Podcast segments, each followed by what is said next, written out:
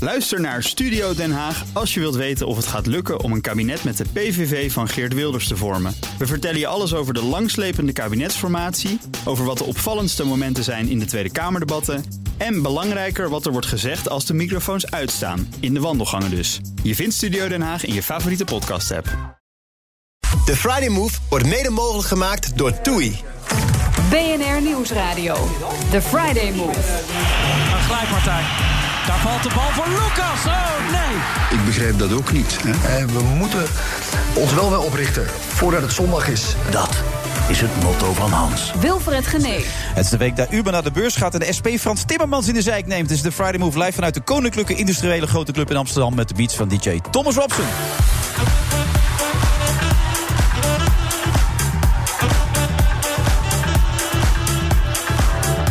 Het eh, zijn de kleine dingen die het hem doen. Nee, die het doen moet ik eigenlijk zeggen. Schreef Marcel van Roosmalen over zijn moeder. Vandaag is ze van mijn co-host en hij heeft er ongelooflijk veel zin in. Het is nog echt waar, ook volgens mij. Rosanne Hertzberger schuift zo meteen aan. Ze was hier afgelopen zaterdag nog in gesprek met de koning en koningin. En Filemon Westlijk duikt in de wereld van open relaties, driehoeksverhoudingen en monogamie.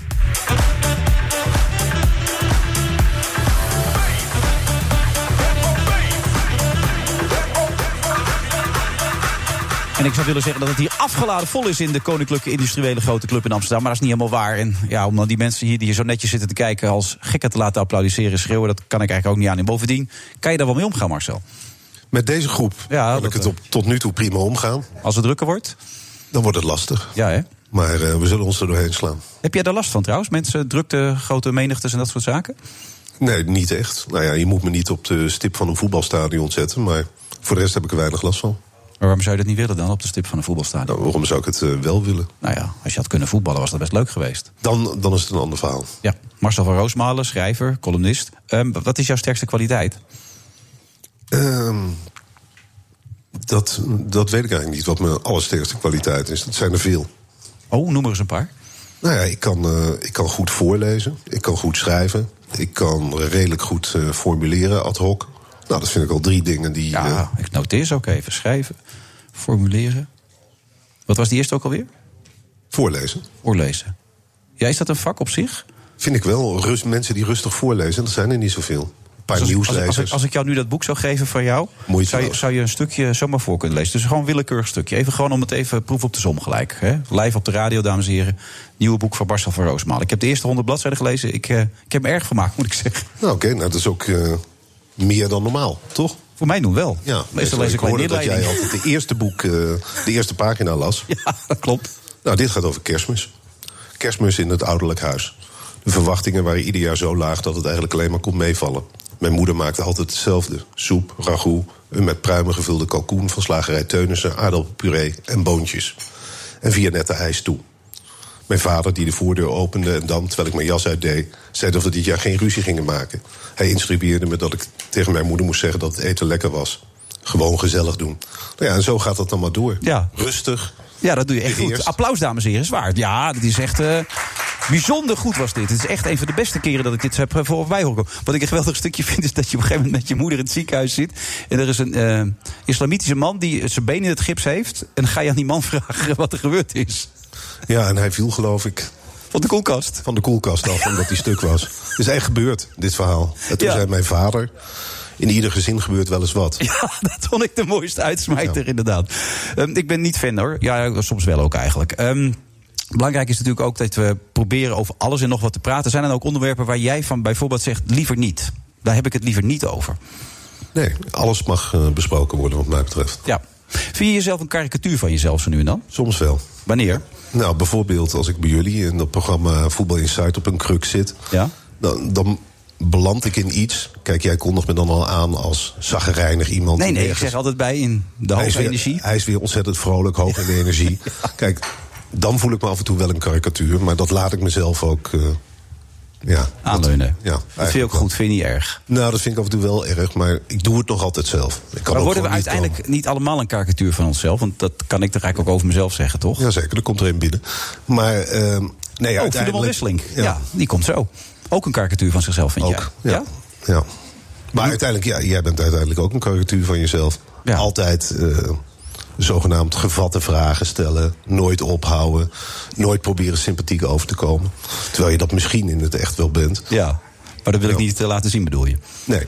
Maar ik had het één keer laatst gedaan in een programma. Toen was iedereen helemaal in shock ook bij eh, Dream School. Ik weet niet of je dat gezien had, maar... Nee, niet gezien. Toen schreef Angela de Jong zelfs, waar jij een groot fan van bent, weet ik ook... eh, u zult zich wel in die koffie verslikken, maar Wilfred blijkt ook een empathische kant te hebben. Dus dat was inderdaad een ontmaskering waar ik niet op zat te wachten. Dus dat ga ik niet meer doen natuurlijk. Nee, gaat wel terugkijken. Ja? Oh, je hebt het nog niet gezien. Nee, Wat ga je nu doen? slok thee nemen. Oké, zo. Oh nee, dat is het andere programma. Ja, Ja. precies. Nee, dat vind ik inderdaad heel erg. Dat zo. Van Dat je echt Bavaria. denkt- ja, dat Want je echt dat, dat denkt- word je overal mee geconfronteerd, begrijp ik ook. Nou, dat is me heel vaak als ik ergens kom dat mensen dan zeggen zo. En dan een glas bier voor mijn neus zetten. Maar dat je denkt, ja, Jezus, dat ik dit met mezelf laat gebeuren. Ik bedoel, ja, je zit daar gewoon, je kunt geen kant meer op. Zoals iedereen op dat stoeltje. Maar dan, dan zijn er wel mensen dat ik denk, Jezus, eh, waarom eigenlijk? Ja. I- Is het zo dat, dat jij kan het zien, en ik kan het eigenlijk ook van mezelf wel zien... dat ik een karikatuur van mezelf eh, ben geworden. Maar denk je dat heel veel mensen dat niet zien? Van zichzelf? Mm, Ten dele wel, ja. Ik had zojuist eh, Willy Bord VK aan de lijn. En ik heb binnenkort eh, samen met Helene een nieuwe talkshow gaan wij doen. Ik heb het niet zo druk, dus dat kan er makkelijk bij. En ik zou het heel erg leuk vinden, want het gaat plaatsvinden in een bruin café... om Willy Bord VK elke week in dat café te hebben, maar hem niets te laten zeggen. En toen moest ik hem vanmiddag overtuigen waarom dat leuk was. Ik zei, nou, ik denk dat dat heel leuk is. Omdat iedereen denkt dat je wat gaat zeggen. Omdat je altijd wat zegt. En juist omdat je niks zegt, is het, is het niet leuk. En toen zei hij, maar zit ik voor lul? Zit hij dan voor lul, vind jij? Ja, hij zit wel voor lul. toch wel? Nou, niet zo erg als Henny Huisman, wat jij daarmee gedaan hebt op de radio. Wat heb ik dat dan met vond ik Danny echt- Huisman gedaan? Nou ja, dat je hem. eh, Ik kan het me niet helemaal precies meer. Dat je hem die uitspraken liet doen. Dat hij terug kwam- wilde komen op tv. En dat hij toen over zijn seksleven begon. Dat deed hij zelf. En dat je hem toen als analist. Of wat wil je? Als coach. Voor Nee, wat ik, slachtoffers wat ik van wilde Voetbal doen, Insight. dat, wilde je dat, hem. dat VI nazorg, dat mensen die dus eh, een beetje aangepakt waren door Johan of iemand anders in ons programma, er toch nog een beetje een ander gevoel bij zouden kunnen krijgen. Dat hen niet even langs ging om ze toch nog weer een beetje op te pakken, een beetje weer te masseren en ze weer een beetje een goed gevoel te geven. Dat was het idee. Ja, ja, ik zie Henny Huisman toch meer als een soort patiënt. En die dan ja, eigenlijk wordt gebruikt door jou. Om dat te doen. Maar ja, Hij doet namelijk alles. Maar de persoon wat je hem ook wist- vraagt. maar de persoon in kwestie is er zelf bij. Die kan ook zeggen, ik wil het niet doen. Ja, bij, bij Henny Huisman vraag ik me af en toe af. Of hij er nog zelf bij is. Omdat hij het zo graag wil, bedoel je? Ja. Dat hij iets te graag wil. Ja, dan zou iemand tegen hem moeten zeggen van je moet het gewoon niet meer willen. Oké. Nou goed. Eh, je, je hebt over alles en iedereen een mening. Over Angela de Jong heb je ka- kakelende kip gezegd. Ja, maar ik heb niet over alles en iedereen meteen een mening hoor. Eh. Oh, niet? Nee, ja, in mijn hoofd, maar ik zit niet de hele dag meningen. eh, Nee, maar jou- uiten. jou- jouw kwaliteit is toch ook eigenlijk dat je observeert en daar eigenlijk gelijk iets uit destilleert. Dat is toch wat je steeds doet. ja. Dus dan heb je heel snel een mening. ja, maar het gaat niet de hele dag over mensen. Of over, het gaat soms ook over gewoon kleine dingen. Ja, zoals je moeder bijvoorbeeld. Zoals mijn moeder. Ja, je ergert je aan je moeder, Ja, maar je haat regelmatig. er niet. Nee, nee. Maar je houdt ook niet van haar. Jawel, maar het is een beetje dubbel. Hè. Ik ken haar al mijn hele leven. En ehm, Meestal zo, hè, met je Ja, moeder. dat klopt. En zij is natuurlijk een vrouw Nee, die ze de doet het laatste toch 20 jaar anders is dan de 30 jaar daarvoor. Ja. ja, toen rookte ze nog. Precies, dus ja, goed. eh, Nou, jij, jij zegt ook in je verhaal op een gegeven moment in een ander interview... je moet voor je dertigste hebben afgerekend eh, al met je jeugd zijn, hè, met je ouders. Dat moet je. dat vind ik. Ik vind dat je niet meer kunt zeggen: ik haat, eh, ik haat je ouders. Of eh, Ja. ik, eh, ik neem je nog iets kwalijk. Iedereen die jou interviewt probeert toch therapeutisch erachter te komen... dat je je ouders eigenlijk nog steeds wel een beetje heel vervelend vindt. Ja. En jij ontkent dat. Maar als je het zit te lezen, heb je het wel, dat gevoel. Dat, dat, dat ontkom je bijna niet aan. Nou, je hebt hooguit een gevoel van irritatie. Dat, dat, maar dat is ook heel, heel natuurlijk. Als, als mensen dus zichzelf eh, de hele tijd herhalen, zoals mijn moeder de laatste 10 jaar, Ja. ga je je vanzelf irriteren. Daarvoor had je geen irritatie. Minder dan nu. En eh, dat hoort ze nu ook, want ze luistert mee, neem ik aan. Nou, dat Jawel. denk ik niet. Nee, wordt er maar in als ze Wormen het niet geluisterd? hoort, dan weet ze dat. Ja, maar dat kun je in het boek teruglezen. Het Ja. is echt een aanrader boek. Ik vond, ik moet zeggen, ik vond het leuker om te lezen dan, dan, dan, dan met Theo Jans. Omdat ik, ik vond Theo Jans niet zo sympathiek overkomen.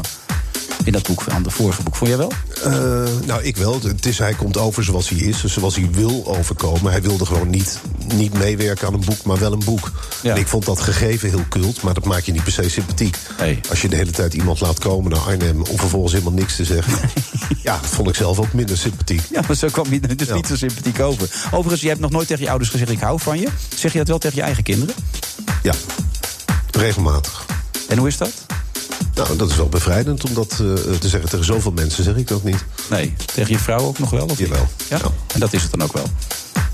Nou, ik zeg nog wel meer dingen tegen haar. Ik denk niet eh, Ik dat ik bedoel, alleen maar zeg ik hou tegen van andere je. mensen waar je ook ik hou van je zou zeggen. Ja, ja dat, dat is het eigenlijk een Ja. beetje het selecte gezelschap. Deze drie mensen zijn voor jou de meest waardevolle. Ja, Oké. Nou, het wordt een hele leuke middag volgens mij, eh, Marcel. volgens mij ook. Je hebt er ontzettend veel zin in. Dat merk bloei ik aan helemaal je. op. Ja. Ja, Heerlijk, man. Gaan we zo weer verder. heerlijk. Tot zo.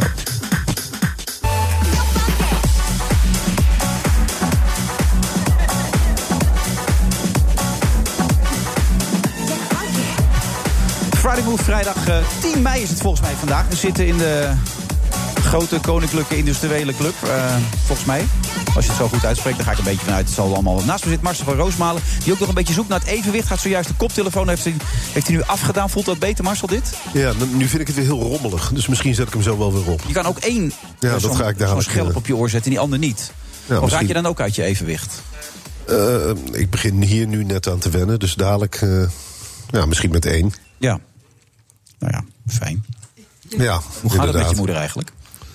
Op dit moment? Eh, goed, denk ik. Gezondheidstechnisch Het wel. laatste contact was eh, begin deze week. En toen was het wel redelijk goed. Ze is al 87 of Ja, 88. dus- 87. Ja. Dat is wat, hè? En, en een mixer is gewoon in orde enzovoort. Die werkt, dat soort dingen enzovoort. Wat werkt? Een mixer. Haar mixer, eh, er is een nieuwe mixer. Ja. Haar mixer was stuk, heb ik opgeschreven. Ja. En eh, inmiddels heeft ze een nieuwe mixer, weer, weer van Philips. Hele goeie. Ja? Ja. Maar het had haar wel zo geraakt dat je dat geschreven had... dat ze huilend een feest verlaten heeft. ja, dat was een dieptepunt in onze relatie. Ja. Is ook niet fijn, hè? Een mixer die kapot gaat.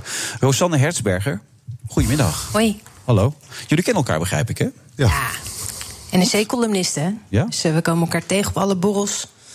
Hij Ja. moet heel vaak voorlezen. Ik hoef niet zo vaak voor Dat te kan lezen. heel goed, hè? Zou Ja. je het een stukje willen voorlezen anders? tuurlijk. Ja? Ja hoor, moeiteloos. Nou, even een klein stukje. van. Hij kan echt heel goed voorlezen. Hij kan wel veel beter voorlezen dan ik. Ja, Dat is dat kan wel hij echt goed. Voor de mensen die later inschakelen. Nog een klein stukje komt hij. De laatste keer dat ik bij mijn moeder was, stond de schuur vol met potten met narcissen die ze in het tuincentrum met korting had kunnen krijgen. Wat moet je met al die narcissen? vroeg ik. Geen commentaar, zei zij. Eergisteren, het was de verjaardag van mijn vader. Ik ging spontaan bij haar langs. Was ze onvindbaar. Bij het graf van mijn vader zat ze niet. Ik trof er wel vier van die potten met narcissen aan. En trok de voorzichtige conclusie dat ze die dus één voor één aan het verplaatsen was. Ja, is goed. Nou ja, dat is een klein stukje, maar. Ik kan eh, ook een voorleesbattle doen. Ja, dat vind ik een heel stemmen? goed idee. Zou jij een stukje uit Ja. jouw boek kunnen voorlezen dan? Steve Jobs zou nu een vreemde eend in de bijt zijn. Hedendaags Silicon Valley is tot in zijn tenen atheïstisch. In een artikel voor de Amerikaanse opiniesite Vox beschrijft Caroline McCarthy hoe de dominante cultuur in de techbedrijven gekant is tegen geloof en religie. Bij Google zouden weinig collega's met hun ogen knipperen als je zou vertellen hoe je dat weekend verkleed als otter had gefeest op een technofestival. Maar je zou zo een paar vreemde blikken krijgen als je toe zou geven dat je dat weekend naar de kerk was geweest. Toen een kleine groep christelijke Google-medewerkers een gebedsgroep begon, was de algemene reactie: hebben wij mensen in dienst die bidden?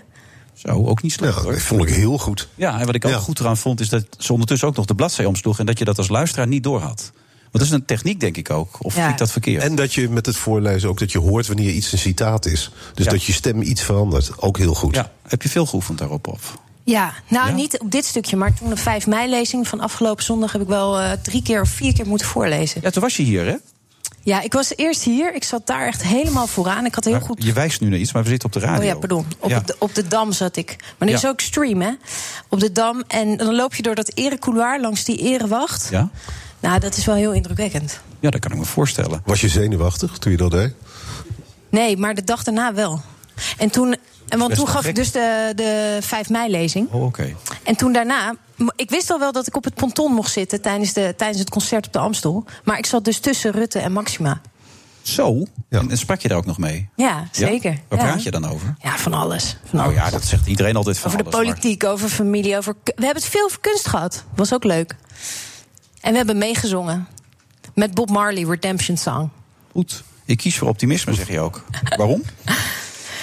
Dat Ja. gaat op het boekje wat ik hier Ja, in mijn hand heb voor de Ja, mensen die maar niet daar mee heb ik het zitten echt al de kijken hele op week over gehad nu. En het heeft uitgebreid, eh, dat is echt al een week oud. stream. Dat Ja, maar je kan boekje toch- oh, je wil echt al Terroriseert eigenlijk je echte boek. Het grote niets. Ik bedoel, Ik cannibaliseer op mezelf. Jullie, Dat is wel schrijvers- uniek. jullie schrijvers zijn daar heel gevoelig voor. Hè? Want Nou ja, als ik kan me Marcel heel Wilson goed in tv voorstellen. Zit, Nee, zegt maar hij ook weet de je, hele het- tijd, er ligt nee. een boek. Dat is een heel goed boek. Ik heb een boek geschreven. Wist je al dat ik een boek geschreven had? Ik heb een boek over Theo Jans geschreven. Dat gaat hij de hele uitzending, roept hij dat altijd. Nou, maar weet je, ik zou het wel willen, maar het voelt een beetje als de mop uitleggen. Want dit is echt, dit is geweest. Dit was één keer een lezing. En dan moet ik nu alsnog eh, gaan zitten Nou, je uitleggen kunt wat ook er omheen zeggen, ik staat. kies voor positivisme. En dan vraag ik waarom. En dan zeg je, nou, omdat ik dat heel belangrijk vind. Nou, dan ben je er weer vanaf.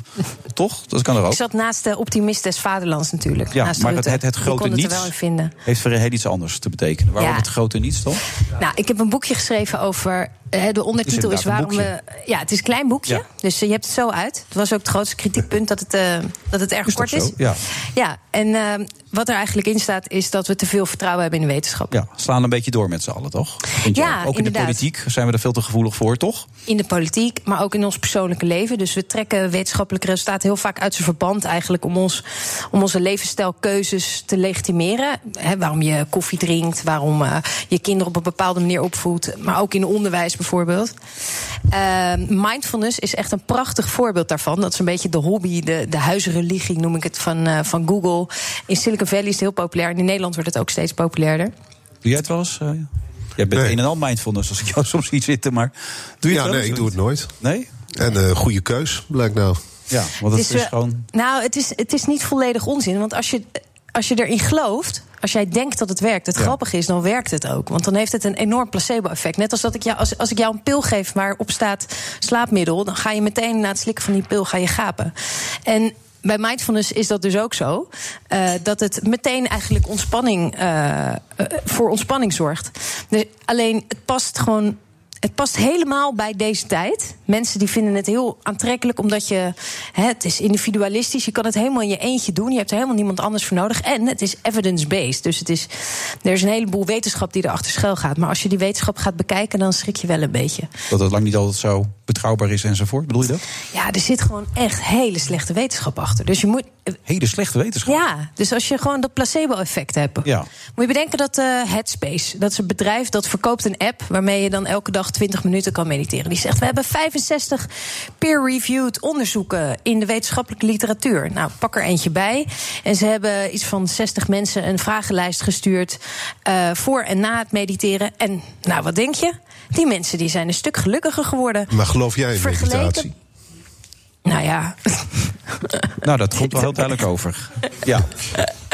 Jij ook niet echt. als jij heb ik de indruk, erin hè? gelooft, dan werkt het supergoed. Oké. Als, jij er- als je in acupunctuur gelooft, dan zou ik dat echt proberen. Dan zou ik dat serieus doen. Als je pijn hebt, zou ik acupunctuur gaan doen. Als je denkt dat dat werkt. Want dan werkt het. Dat laat alle wetenschap zien trouwens. Maar is het ook omdat wij zekerheden nodig hebben in het leven dat we ons daar zo aan vasthouden? Dat Ja. anders kunnen wij niet functioneren? Is ja, Dus dat het? is het. En da- dat is ook waarom ik het boekje Het Grote Niets heb genoemd. Dus we, we hebben wetenschap is eigenlijk de, de laatste bron van wijsheid die we nog accepteren. Als je, vraagt, als je kijkt naar het vertrouwen in de wetenschap, is die eigenlijk heel erg hoog. Eh, er zijn maar heel weinig mensen die zeggen: wetenschap is ook maar een mening. Ehm, maar dat, dat vertrouwen is soms gewoon ja, regelrecht misplaatst. En dat, dat is wel zorgwekkend. Want mensen die leggen hun vertrouwen in studies. Terwijl wetenschap is een sloom proces. Hè, twee stappen vooruit, weer eentje achteruit. En je ziet momenteel dat zelfs in de meest prestigieuze tijdschriften. staan studies die echt niet te repliceren zijn. Dus je bent die- toch zelf microbioloog? Ja. Daar heb je ook heel wat wetenschap, eh, wetenschappelijke kennis opgedaan. Zeker. Toch? Hoe sta je daar nu in dan? Nou, ik, ehm, ik denk dat wetenschap de beste manier is om iets te weten te komen over het leven en over de chemie van het bestaan en over het universum. Dus ik doe en het is het allerleukste wat, het, wat er is om daar iets over te weten te komen. En Waarom is dat zo leuk dan? Ja, waarom is dat zo leuk? En Waarom is voetbal zo leuk? Ja, maar dat is toch logisch? Dat is emotie, dat is passie, dat is gevoel. Dat is, hè? Het is als je als je een nieuwsgierig mens bent zoals ik en echt iets wil weten van hoe werkt nou iets, hoe zit dit in elkaar? Maar wat, wat, wat Waarom zijn jouw gedraag zekerheden jij je dan? Zoals jij je Ja, nou, gedraagt? er zijn nu helemaal geen zekerheden meer. Ik bedoel, ik denk nu gelijk aan die eh, klimaatdiscussie. Daar vertrouwen we toch eigenlijk een beetje op de wetenschappers. En iedereen die dan zegt het klimaat verandert niet, wordt toch een beetje afgeschilderd als een gekkie. En eh, nu, Ja. nu begrijp ik dat ik het dus helemaal niet meer op die deskundige. Het kan ook zijn dat het klimaat niet verandert. Nou, weet je wat het is met klimaat? En hetzelfde geldt een beetje voor vaccinatie. Is dat komt al lang niet meer alleen van de wetenschap. Dus klimaat, wij kunnen straks gewoon over de Noordpool varen. We kunnen gewoon van China regelrecht zo naar Rusland en naar, en naar Amerika varen, omdat het ijs daar gewoon weg is. Ehm, dus dat, daar heb je zeg maar geen wetenschappen meer nodig om Dat zie je zelf nog wel. Dat, dat Ja. zie je gewoon voor je ogen gebeuren. Ja. Ehm, zelfs met vaccinatie. Heb jij nog wel eens iemand tegengekomen met pokken, difterie, Nee. kinkhoest? Weet je, dat is al lang niet meer. Ah, zelfs in Wormen dat is al niet, hè? lang uit de handen van de wetenschap, ze- zeg maar. Dat, de- die resultaten zie je gewoon om je heen. En eh, Maar als we niets meer hebben, Rosanne, om ons vast te houden... dan, dan, dan vallen meest- me- heel veel mensen om, denk ik, toch? Die hebben dat nodig. we gaan dat- het straks over monogamie hebben. Dat hebben ook heel veel mensen hebben dat toch nodig, die afspraak... om die vast te kunnen houden, om te kunnen functioneren. Misschien is het wel nuttig hoor, om a- alle mensen iets minder houvast te geven. Alle mensen net iets onzekerder te maken. Iets minder standvastig van zo zit het, ik heb gelijk. En, eh, Zijn er dit- dit niet is gewoon het ook te allerbeste. veel wetenschappers? Dat denk ik dan meteen. Er zijn zoveel wetenschappers dat je er af en toe ook moe van wordt. Zit er weer een wetenschapper? Ja. dus Moet er niet een beter, jij zegt- beter geselecteerd worden op alleen goede Ja. wetenschappers? Of moet de studie niet moeilijker gemaakt worden? Dat Ja. er minder wetenschappers komen? Ja, ik vind dat er meer wetenschap, minder voetbal. Meer wetenschap. Ja. Kunnen we dat Ja. doen? Nou, ik hoor dat het onderwerp afgelopen is. Rosanne Hersberghuis, kan, kan ze een beetje goed schrijven trouwens? Of? Heel goed. Ja? Ja. Waarom? Ja, eh, dat wat is is- iets wat- wat- wat- subjectiefs. Vind jij dat is het- is het Ajax goed kan cynisch? Is- voetballen? Is het, is het grappig? Nee, het zet, eh, het zet aan tot nadenken. Af en toe moet ik erom lachen. Het is ook wel een beetje cynisch af en toe. Dus, maar het is voor de rest een heel moeilijk te beantwoorden vraag. Ja. Waarom is het zo'n klein boekje geworden eigenlijk? Want dat was de kritiek, hoorde ik net. Ik vind het heerlijk, eigenlijk. Ik lees zoveel boeken waarvan ik denk, het kan drie keer zo kort. Ja, gewoon Maar even op de eh, point komen. ja, ik vind dit echt een heerlijk genre eigenlijk. Ik ga er nog meer zulke schrijven. Dus er komt er binnenkort weer een nieuwe aan. Nou, en dan mag ik misschien niet meer wel. over dit boek praten waarschijnlijk. Ik Als je ga daar over komt. vaccinatie schrijven. Oh, wat, ga je er, wat is de boodschap dan? Als je hem kort mag samenvatten? Nou, niet, eh, niet per se een boodschap, maar... eh, Ben je voor of tegen? Dat iedereen ge- verplicht gevaccineerd moet worden. Jij Terwijl, beperkt tegen echt welke alles tot ziektes? hele simpele vragen. Ja, nee, maar dat Tegen is het welke publiek, hè, ziektes? BNR. Nou, nee, nee, ik denk dat de boodschap moet zijn, het is complex. Er Ja. is geen voor of tegen. Oké. Nou, Ja. Bijvoorbeeld moet ik ook voor niet een waterpokkenvaccin? Ja? Mm, nee. Maas? Oké. Voor, ja, dat, dat is echt eh, no-brainer, mazelen. Maar dat is het volgende boek. Dit is het grote niets. Ja, Die kunnen mensen nu aanschaffen. Zeker. Ja, heb je hem zo uit? ja, en dan heb je nog geld over om een ander boek En erbij ik, te eh, kopen. Ja, hoe heet ik dat boek beloof dan? een heel veel, Zijn de kleine ik dingen die beloof doen. heel veel, eh, heel veel ehm, mensen aan het denken te zetten. En ik heb niet zoveel tegen meditatie uiteindelijk. Want als jij erin gelooft, dan moet je dat gewoon lekker doen. Ja, vind ik ook. Ik heb er alleen wat tegen dat ze de wetenschap misbruiken en uit hun verband trekken. Je punt is gemaakt, Rosanne. Dankjewel. Dankjewel, goed dat je er was. Mooie wedstrijd Leuk om er morgen te trouwens. zijn. Oh nee, zondag AZ PSV. Ajax Utrecht. Ik ben meer van Feyenoord eigenlijk. Oké, daar kun je ook niks aan doen. Het grote niets, Rosanne Hertzberg. Dankjewel. Tot zo. BNR Nieuwsradio. The Friday Move. Dit, dit is Hans. Hans Brusselmans. Ik begrijp dat ook niet. Eh, we moeten ons wel weer oprichten voordat het zondag is. Dat is het motto van Hans. Wilfred Gené. Filemon Wesseling duikt voor een nieuw programma in de wereld van open relaties en vreemdgaan. En We zitten vandaag met de Friday Move Live eh, in de Koninklijke Industriële Grote Club in Amsterdam. Met de beats van DJ Thomas Ops.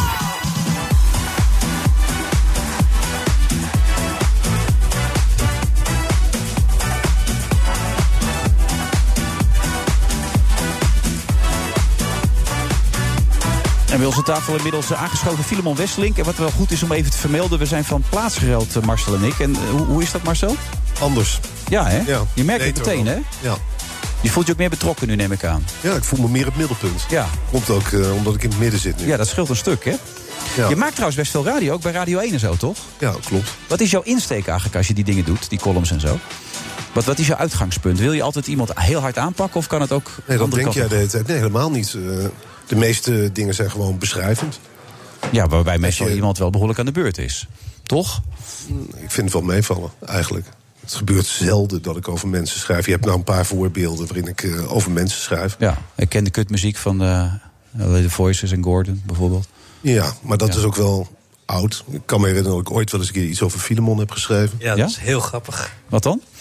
Nou, dat hij had een eh, reportage gemaakt in, eh, in de rivierenbuurt... over eh, hoe er werd omgegaan met Joden, als ik me herinner. Ja. En eh, dat ging er eigenlijk over dat, ehm, dat hij eigenlijk live onderzoekt wat er in zijn eigen hoofd afspeelt. In mijn optiek. En dat vind ik aan de ene kant grappig. Aan de andere kant heb ik al het idee waarom moet ik het weten. Tegelijkertijd blijf ik er wel gefascineerd naar kijken. ja. Ik vond het ook wel grappig dat jij eigenlijk precies hetzelfde doet. Klopt. Elke dag in de krant. Ja, voor een Dus deel dat is is dat eigenlijk ook een waar. soort eigen onderzoek. Ja, precies. Wat je op mij projecteerde. Nou, dat is niet helemaal waar hoor. Want ik- Jij gaat wel wat verder dan ik. maar toch? niettemin, dat mag. En eh, eh, er zijn ook wel hoogtepunten. Ik weet nog dat jij je broers eh, op tv interviewde over hoe jij overkomt op tv. En dat vond ik wel bijzondere televisie. Dus weinig gedaan nog. Ik probeer het wel altijd in te zetten om een groter thema aan het licht te brengen. Het is niet zo dat ik dan per se eh, heel graag eh, ah, met mijn hele diepe innerlijk de hele tijd een toon wil spreiden. Maar ik probeer het wel te proberen eh, het in te zetten voor iets ma- iets maatschappelijks. Klopt, maar we krijgen het grote innerlijk er altijd wel bij. Dus dat fascineert me dan. Ja, maar het is altijd zo, ja, het is, het is altijd een, een thin line waar je op balanceert. Maar waar zou dat op moeten wijzen volgens jou dan, Marcel, dat hij dat doet? Nou, helemaal nergens op. Eh, het is gewoon een constatering. Oké. Ik bedoel, ik, eh, ik Stoort keur het je verder- ook niet? Intimideert ik je vind niet? Het, nou ja, ik vind het eh, eh, hooguit opmerkelijk. En eh, ik vind het ook fascinerend. Hij noemde je net een karikatuur van jezelf. Vind je dat zelf ook? Toen je binnenkwam. dat niet gehoord. Maar dat, eh, zet nee, je dat, alsnog bij deze. hij vroeg aan mij van, vind je jezelf een karikatuur van jezelf? Toen heb ik gezegd ja, maar daar zijn er meer van. En toen kwam jij binnen. Oké, ja. Dus eh, die opmerking relativeer ik toch ook wel een beetje. Ja, maar het komt toch op hetzelfde neer? Ja, maar ik denk dat heel veel mensen een karikatuur van zichzelf Nou, die zijn. conclusie hadden we ook getrokken. Vind jij een karikatuur van jezelf? Dat je dat inmiddels bent, eh Filemon? Eh, nee, ik ben steeds minder aan het worden, denk ik. Als ik ouder wordt. En dan, eh, als je begint met tv, dan is natuurlijk best wel een scoringsdrift. Want mensen die zeggen heel vaak tegen je van dit is je kans en die moet je pakken. En dan krijg je de neiging om wat, eh, wat aan te zetten. En eh, als, je, als je ouder bent, ga je dat steeds meer loslaten. Dus ja, ja, ga je niet nog eens een keer extra turbo op jezelf zetten... waardoor je inderdaad een karikatuur wordt. Zo kun je ook bekijken, Marcel. Ja, zo kan ik het ook bekijken. Ja, ik, ik zit nog even na te denken of, de- of dat ook zo is. En je had ook een nootje gepakt, dus je moest even kauwen. Dat snap ik ook. Klopt. Ja, Dus daar zit veel af mee. Nee, je hebt een punt. Ik heb inderdaad een nootje gepakt. Ja. Nee, maar goed, de aanleiding blijft natuurlijk eh, voor veel van jouw werk... blijft natuurlijk dingen die gebeuren in jouw privéleven. En daar maak jij dan vervolgens televisie van... omdat het heel veel andere mensen... Ik ook moet Nou, wel heel over- eerlijk toegeven, soms wordt het ook wel gebruikt om het eh, op die manier in de markt te zetten. Ik heb nu een programma gemaakt over monogamie. Dat is eigenlijk drieënhalf jaar geleden in een kroeg in Amsterdam verzonnen. Toen was er nog niks aan de hand met mijn huidige relatie. Maar toen dachten die tv-makers, die de eindredactie deden, dachten: oh ja, dat valt dan wel precies mooi in elkaar. Dan zeg je dat en dan klopt dat helemaal.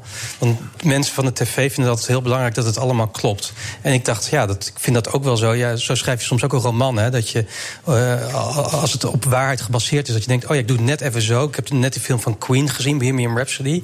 Daar zijn ook wat dingen gecomprimeerd in dat leven van Queen, zodat het een dramatisch effect heeft. En dat doen wij soms ook wel een heel klein beetje, moet ik zeggen. Vreemd gaan met Filemon, zo heet het programma. Eh, dus 3,5 jaar geleden, toen je nog bij je ex was, en gewoon bij je kinderen, in je gezin, gewoon die situatie, is het al bedacht. Ja. Maar het komt nu beter uit, nu je het huis uitgeschopt bent en inmiddels een nieuwe vriendin hebt, dan, dan, dan werkt het dus. Nou ja, het wer- werd nu geplaatst op de zender. En toen gebeurde dat ook. En toen dachten we, nou ja, dan maken we daar gewoon één verhaal van. Zij waren eigenlijk blij met jouw situatie. Ja, Ja, ja, ja. Ze hebben niet, TV-technisch kwam het allemaal heel goed gezet. uit. Het is niet zo dat jouw ex eigenlijk eh, aangezet is door de organisatie om deze beslissing te nemen. Dat sluit ik niet uit, maar eh, het is niet zoals ik het meegekregen heb. Nee, want wat je, v- vandaag in de Volkskrant is dat geloof ik, hè? Ze had te weinig ruimte. Jij nam, jij nam te veel ruimte in de relatie in. En daardoor was ze op een gegeven moment zichzelf kwijtgeraakt. Toen kwam ze erachter en toen zei ze het is voorbij. Ja. Dat was eigenlijk de conclusie. Ja, dat heb je heel mooi samengevat. Ja, nou hebben we dat alweer gehad. Daarna kom je dus een nieuwe vrouw tegen via volgens mij eh, een of andere site, toch? Ja. ja. En die gebruik je nu ook in je nieuw programma. Ja. Eh, sterker nog, je relativeert en eh, reflecteert met haar. Ja. Waarom? Moet ik wel gelijk eh, zeggen, voordat iedereen zich weer zorgen begint te maken. Het is een programma van 45 minuten en dit onderdeel is 2 minuten, als een soort uitsmijter. Ja. Eh, omdat ik vind dat eh, we hebben het over monogamie eh, en polyamorie. Eh, en daar moet je zelf een keuze in maken. Dat zijn, eh, dat zijn ingewikkelde dingen. Maar ik vind wel dat er. Ik denk trouwens dat er heel veel leed bespaard zou blijven. als mensen het over dat soort dingen zouden hebben. En dat zegt bijvoorbeeld zo'n Esther Perel, een bekende relatietherapeut uit eh, de Verenigde Staten. Die, die, die zegt het ook van ja, maak alsjeblieft als stelletje eh, een contract van wat jullie vinden dat liefde is. Want als het bijvoorbeeld om vreemd gaan, gaan gaat. Ja, heel veel mensen zeggen al van ja, je mag niet vreemd gaan. Maar ja, dan vraag ik aan jou, ja, wat is vreemd gaan? Wat vind jij bijvoorbeeld eh, erger als jij, eh, als jouw vrouw met iemand anders seks heeft en aan jou denkt? Of dat ze met jou seks heeft en aan een ander denkt? Dat is een hele lastige gelijk al inderdaad, Dat zijn, ja. dat zijn hele lastige dingen. Ja. Geef me antwoord hoor. Nou, ik vind het alle twee lastig. Ja.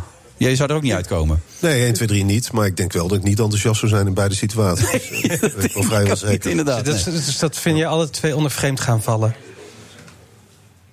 Ehm, een beetje wel, ja. Ja, maar dat is wel heel lastig, want dat betekent dat je bepaalde dingen niet mag fantaseren. Ja, maar er wordt geen eh, verbod opgelegd, wat mij betreft. Maar zou je het willen weten ook? Nee. Ik zou het niet altijd hoeven weten. Nee, Maar dit heb je dus niet met je, met je vrouw afgesproken, waar je drie kinderen mee hebt. Maar dat heb je nu wel afgesproken al. Dat heb je gelijk op tafel. Daar zijn we Dus nu gelegd. mee bezig, ja. En hoe is dat om dat te doen? Dat is ontzettend leuk. En eh het voelt ook gelijk heel vrij. Omdat je, ja, soms durf je dat soort dingen niet te bespreken. En dan, ble- eh, als je dat dan wel bespreekt, dan blijkt de ander bijvoorbeeld veel minder jaloers dan je denkt. En dan is er veel meer mogelijk, mocht dat er aan de hand zijn. Ik ga nu niet- ook niet precies vertellen welke afspraken dat zijn, want dat vind ik te. De privé. Ja, ja, nou daar vooral te kwetsbaar. Omdat die, sommige afspraken werken ook niet als je ze eh, eh, openbaar gaat maken. Maar en hoe enthousiast is jouw omgeving dat je al dit soort programma's maakt? Jouw ex bijvoorbeeld, staat die te trappelen bij dit programma? Of zegt ze, het maakt me helemaal niet uit?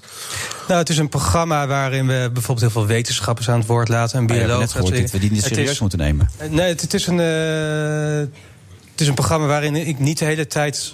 waar jij toen die column over schreef. dat, ik, dat het de hele tijd heel particulier is. Ja.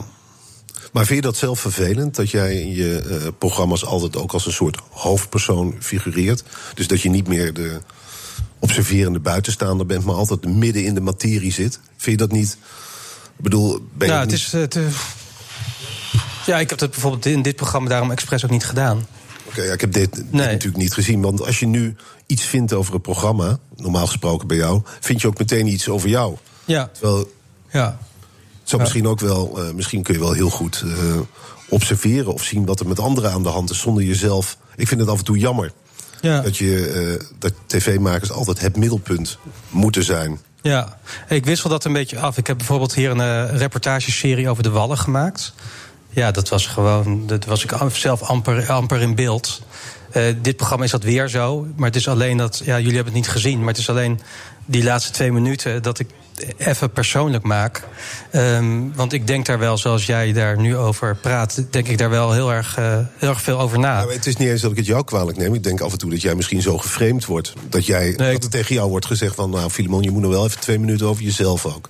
Nee, maar ik ben, pff, nee, dat ben- ik ben wel een sterk genoeg persoon om te doen en laten wat ik zelf wil. Het is alleen wel zo, als zo'n eh, titel geprogrammeerd wordt op NPO 3, dan willen ze wel mijn naam bijvoorbeeld er per se in. En ik wil dat zelf altijd liever niet. Ik denk, nou, waarom moet dat weer vreemd gaan met Filemon heten? Waarom kan het niet gewoon monogamie heten? En dat, dat- ja, dat, die, die drang eh, van anderen is er wel altijd om dat zo te benoemen. Ja. Anders verkoopt het niet, anders scoort het niet, anders eh, valt het niet goed genoeg. Ja, ik geloof daar niet helemaal in. Nee. Ik- Misschien Je- je kan hebt ook trouwens je mensen die, vriendin leren die- kan, kan ook denken dat mensen denken, oh, Filemon Westlink weer, dat gaan we, dat gaan we niet doen. Ja, maar je hebt je vriendin leren kennen door op een site te gaan staan... en ook met je eigen naam en toenaam. Gewoon dat iedereen wist dat jij het was, toch? Ja, ik zat in een soort van midlife crisis gevoel.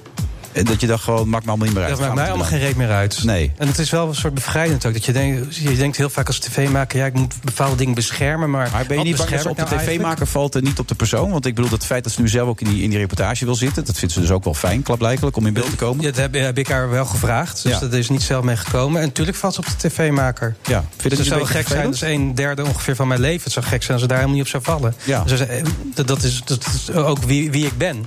Je, je werk, je familie, je liefde, je vrienden. Dat maakt allemaal jou tot persoon wie je bent. En die andere twee derde, dat bevalt ook. Want die kennen ze dan nog niet. Nee, die andere twee derde vindt ze ook. eh, Nou, die vindt ze eigenlijk nog wel het leukst. Toch wel, dat zegt Ja. ze. Ja. ja. Wat, wat, wat wil je bereiken met deze documentaire? Is het, dit is geen documentaire eigenlijk, toch? Of mag je het wel zo noemen? Eh, documentaire reeks. Ja. Dat maakt dat is- dat is semantiek. Dat maakt me niet zo heel veel uit. Wat- Wat ik ermee wil bereiken is dat, ik, eh, dat het mij heel goed leek om eens een keer over dit, eh, dit thema te, te praten en het erover te hebben. En te kijken of we Dat daar nieuwe, gebeurt, gebeurt niet, vind je? of er nieuwe inzichten kunnen krijgen. Nou, niet op de. Nee, want ik, toen ik het bedacht, dacht ik, ja, er moet toch al lang een programma daar echt al helemaal over gegaan zijn. Maar dat, dat was niet zo. En het las ik ook nergens. En ook kijk, van hoe gaan we hier in de toekomst mee om? Ik zie zoveel vrienden van mij die worstelen omdat ze vreemd gaan, of omdat ze vreemd willen gaan, omdat hun seksleven niks meer is, omdat ze vastgeroest zijn, omdat ze. Allemaal dat soort. De 40% van de mensen schijnt vreemd te gaan. Ik haalde maar een onderzoekje uit, maar er zijn Ja. verschillende onderzoeken. Maar Ja. het percentage is hoog. Dus blijkbaar zit daar wel iets. Je kan er dus ook wat aan hebben, zeg maar, als je het gezien hebt. Dat kan je verlichten. Nou, dat is de hele bedoeling van het programma. Het is publieke omroep. Ja. Oh, dan moet het verlichten. Dan moet het... eh, Nou, het hoeft niet te verlichten, maar het moet wel iets eh, ten berde brengen. Ja. Ja. We moeten, ja. Ja, ga je kijken? Ja, ik wist toch voor kort helemaal niet wat vreemd gaan was. Maar nu, eh, nu wordt het een keer te sprake eh, komt, ga ik zeker kijken. Het is ook helemaal niet eh, duidelijk wat vreemd gaan is eigenlijk. Dus, eh, Het is heel persoonlijk. Ja. Ja. Nou, voor mensen die het allemaal niet weten, kunnen ze vanavond gaan kijken. NPO 3, hè? Vijf voor half negen. Vijf voor half negen. Moet je een Ja. beetje switchen op de reclames enzovoort. Maar eh, die heb jij er niet in zitten, wij wel. Maar dat maakt verder niet uit. NPO 3, een vreemd gaan met Filemon. Ja. Je had eigenlijk liever monogamie gehad, dat het zo had geheten. Nou, dat niet per se, maar het- eh, mijn naam had er niet per se ingehoeven in de titel. Oké. Nee. Nou ja, excuses daarvoor dan. Dat, jij, jij- dat is niet jouw schuld. Nee, maar ik voor vind jou het hoeft het wel niet. vervelend voor je. Nee, moet je niet voor iets, voor iets excuseren eh, wat niet je schuld is. Verenig me graag met mensen. Dat, moet je- dat is ook heel belangrijk voor in je rela- relatie, onthoud dat. Nooit excuses maken voor iets wat je niet gedaan hebt. Oké. Nou, die kan je mee naar huis nemen vanavond. Ja, Even die gouden tips. Ja. Die neem ik mee. Dankjewel, Filemon. Graag gedaan. Tot later.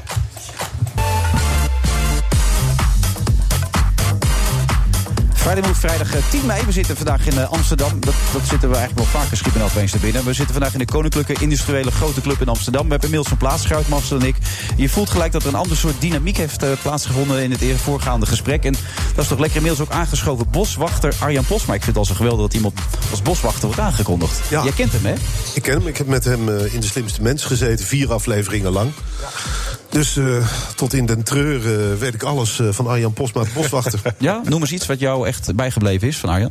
Nou, dat hij eh, eh, eigenlijk de eerste commerciële boswachter ook van Nederland is. Want eh, de lente is voor hem echt een eh, commercieel hoogtepunt. Dan trekt hij er met bedrijven, loopt hij de hele natuur plat om vergelijkingen te trekken.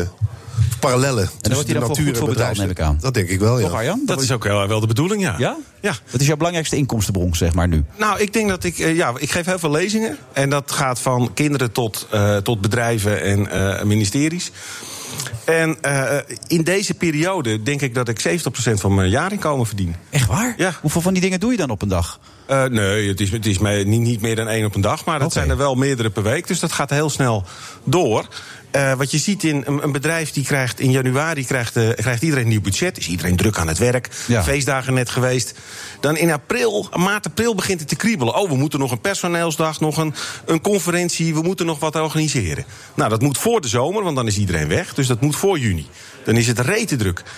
Eh, na de vakantie is iedereen nog eventjes druk bezig. En dan oktober, november is het... oh ja, we moeten nog snel het budget opmaken. Dus dan is er een tweede Oké, dus je seizoen. tweede piek, zeg maar Ja. dan. Dan pak je de rest van je geld. Ja. Die 30% die er nog over moet Ja, dan. ja, eigenlijk wel. En je loopt er ook altijd zo bij, zo in het groen met zo'n grote, scho- zo'n grote schoen aan. Je loopt er echt altijd als boswachter bij. Eh, Eigenlijk wel, ja. Nou, soms is het allemaal bruin, eh, soms is het een beetje groen. Maar is dat een verplichting? Nee, hoor, helemaal niet, want ik ben voor mezelf. Maar je bent wel gesponsord, toch, qua kleding? Eh, hangt er vanaf. Ik word ook gesponsord door kleding, maar ik liep in deze kleding altijd al. En eh, het is lekker makkelijk. Als je veel buiten loopt, dit hoef je niet zo vaak te wassen... want je ziet niet dat het vuil is. Maar eh, we hebben het al steeds over karikatuur van jezelf zijn. Ben je ook al een karikatuur van jezelf dan, daardoor? Eh, nou, ik moest wel. Ik ging voor. me- Ik, ik, toen ik gewoon nog boswachter was. Ja. ehm, Toen was toen- je echt, toen was je echt een boswachter. toen was ik echt gewoon een boswachter. Ik had gebieden rond het Alkmaardermeer. meer. Eh, na een tijdje kwam ik erachter dat je als boswachter dezelfde gevaren kan lopen als je gebieden. Dus ten eerste overbemesting. Als je dan achter de computer geplaatst wordt, dan ga je verdrogen. En als je daar op het laatst niet meer tegenkomt, dan ga je verzuren. Ik hoor je nu al een beetje aan een bedrijfspraatje houden. dit, moment. dit is eentje uit je verhaal, dat hoor ik nu al. Ik heb Oh, Ja. er heel veel. Ja. En toen ben ik voor mezelf begonnen. En toen miste ik mijn eigen uniform. Dat heb ik altijd met zoveel trots gedragen. En toen stond ik iedere dag opnieuw voor de kast. En toen dacht ik, jeetje, moet ik nou iedere dag opnieuw gaan bedenken wat ik aan moet? En toen heb ik eigenlijk een uniform voor mezelf bedacht. Ja. En dus ben je iedere dag hetzelfde. Ja, nou ja, soms is een ander onderbroek. Eh, geen VI-onderbroek neem ik aan, toch? Of wel? Nee. Eh, Je komt hier trouwens eh, omdat er volgende week eh, de, de, de Kids Climate Experience is. Daar ga je Ja. de jeugd, neem ik aan, toespreken. Die wordt Ja. gehouden in Breda. Ehm verbeter het klimaat, zeker bij kinderen. Wat ga je daar vertellen dan? Nou, eh, ik, ik, de- het- het ene deel van het programma, eh, dus we doen, het is een soort duo-lezing. Het ene deel is André Kuipers. Ja. Dus die gaat dat helemaal in het groot over de hele wereld hebben. En dan is het. eh, Doet hij goed? Doet dat hij ook doet vaak. hij heel Ik zou goed. daar zelf gek voor worden als ik zo vaak dat verhaal zou moeten vertellen. Maar hij doet het wel heel goed. Hij doet het heel goed. En dan is het de bedoeling dat ik dat verhaal weer terugbreng naar hun eigen belevingswereld. Zodat het voor hun ook handen en voeten kan krijgen. En dat ga ik proberen. Ja, en hoe doe je dat dan? Ehm, nou ja, klimaat is ook zo lekker vaag, hè? Dat is, Ja. wa- wat is, is het nou weer? Is het nou weerpatronen? Wat is nou klimaat? Eh, nou, Nou, ja, wat is nou klimaat? Ja, nou ja, je moet het dus naar klein maken. Dus ik ga het met die kinderen hebben over microklimaat. Ik ga het hebben over het klimaat in hun eigen buurt. Eh, als je in de bebouwde kom kijkt, als daar geen groen is, dan wordt het meteen warmer. Het wordt meteen heter. Dus als je daar als kind rondloopt, dan kun je daar zelf ook handen en voeten aan geven. Er zijn allemaal rare hoekjes waar grote mensen eigenlijk niet naar kijken. En stel nou dat je iets maakt als zaadbommetjes, dat is hartstikke leuk. Maak je met een beetje klei, gooi je daar een hand zaad in. En in rare hoekjes druk je dat neer. En voordat je het weet ontstaan er eigenlijk allemaal microklimaatjes. En verandering begint altijd van onderaf. Dus ja, en het is uiteindelijk hun wereld.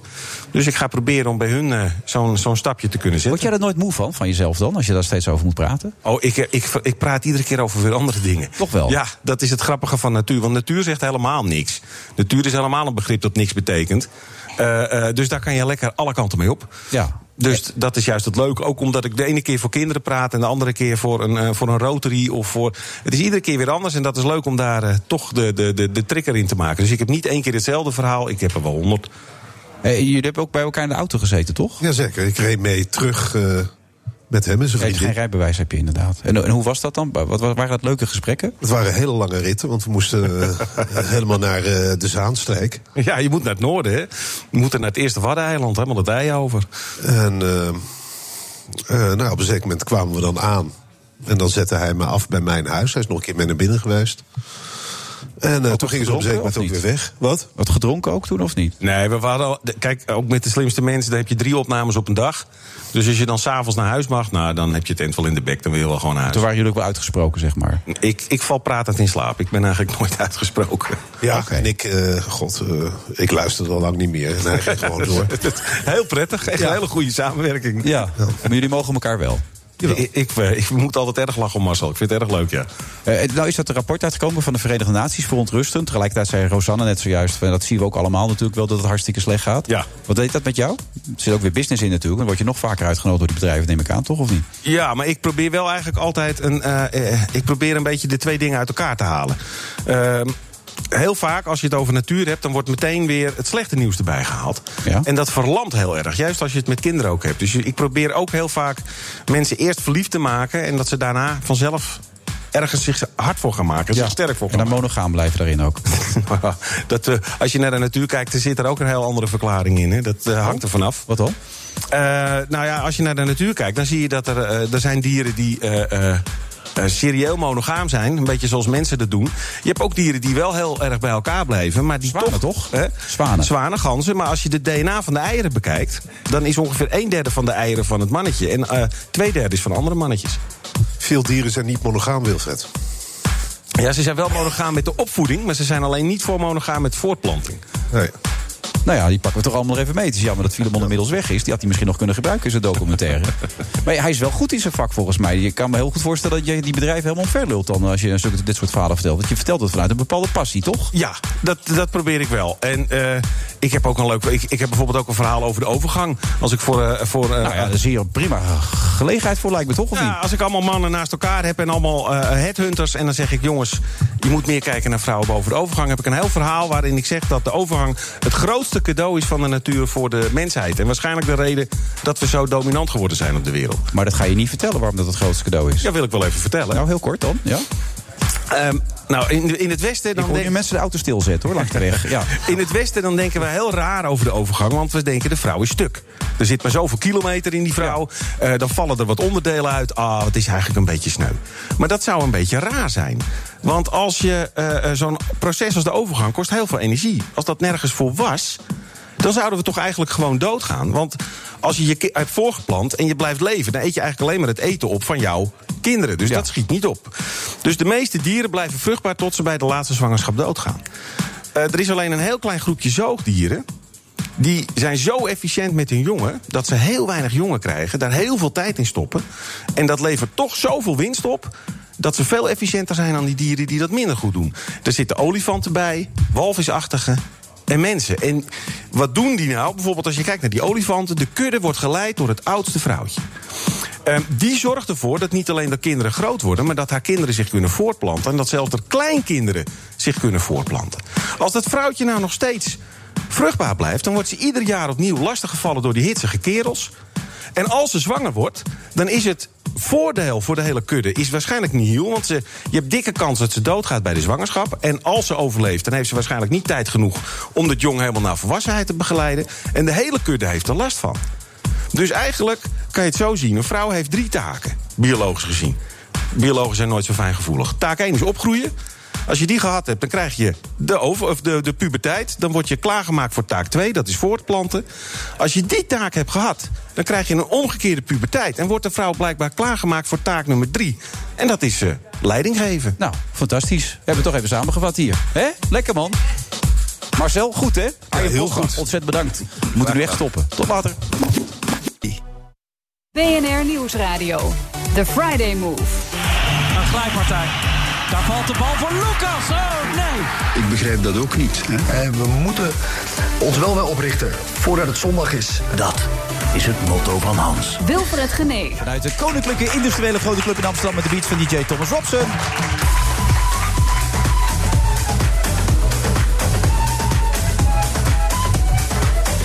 Het staat er echt. NRC-columnist en druktemaker staat hier. Ongelooflijk. Marcel van Roosmalen is tot half zeven mijn co-host. En hij vindt het onmogelijk om de Europese verkiezingen serieus te nemen. Dus daar gaan we zo meteen een pittige discussie over voeren. Met onder andere Arnoud Hoekstra van SP. En Reinier van Landschot van de pro-Europese partij Volt. En topfavoriet Duncan Lawrence is vertrokken in Israël voor het Eurovisie Songfestival. En Frits Hoefna- Hoefnagel is ongelooflijk enthousiast.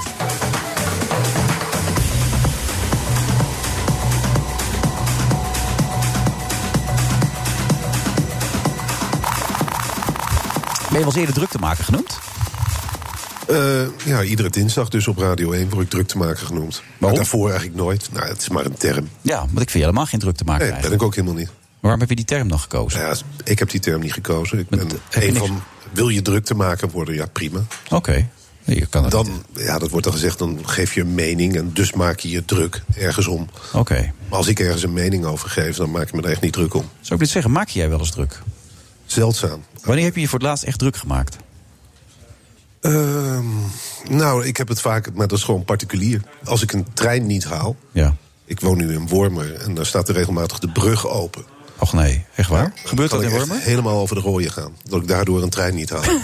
en dat komt vaak omdat het, eh, hoe heet het van die particuliere privéjachten zijn. En dan moet je daarop staan te wachten. Ja, dat duurt best lang, hè? En dat duurt best lang. En daar in die omgeving, in die Zaanstreek, de rest van de fietsers, ik ben dan op de fiets, maakt zich helemaal niet druk.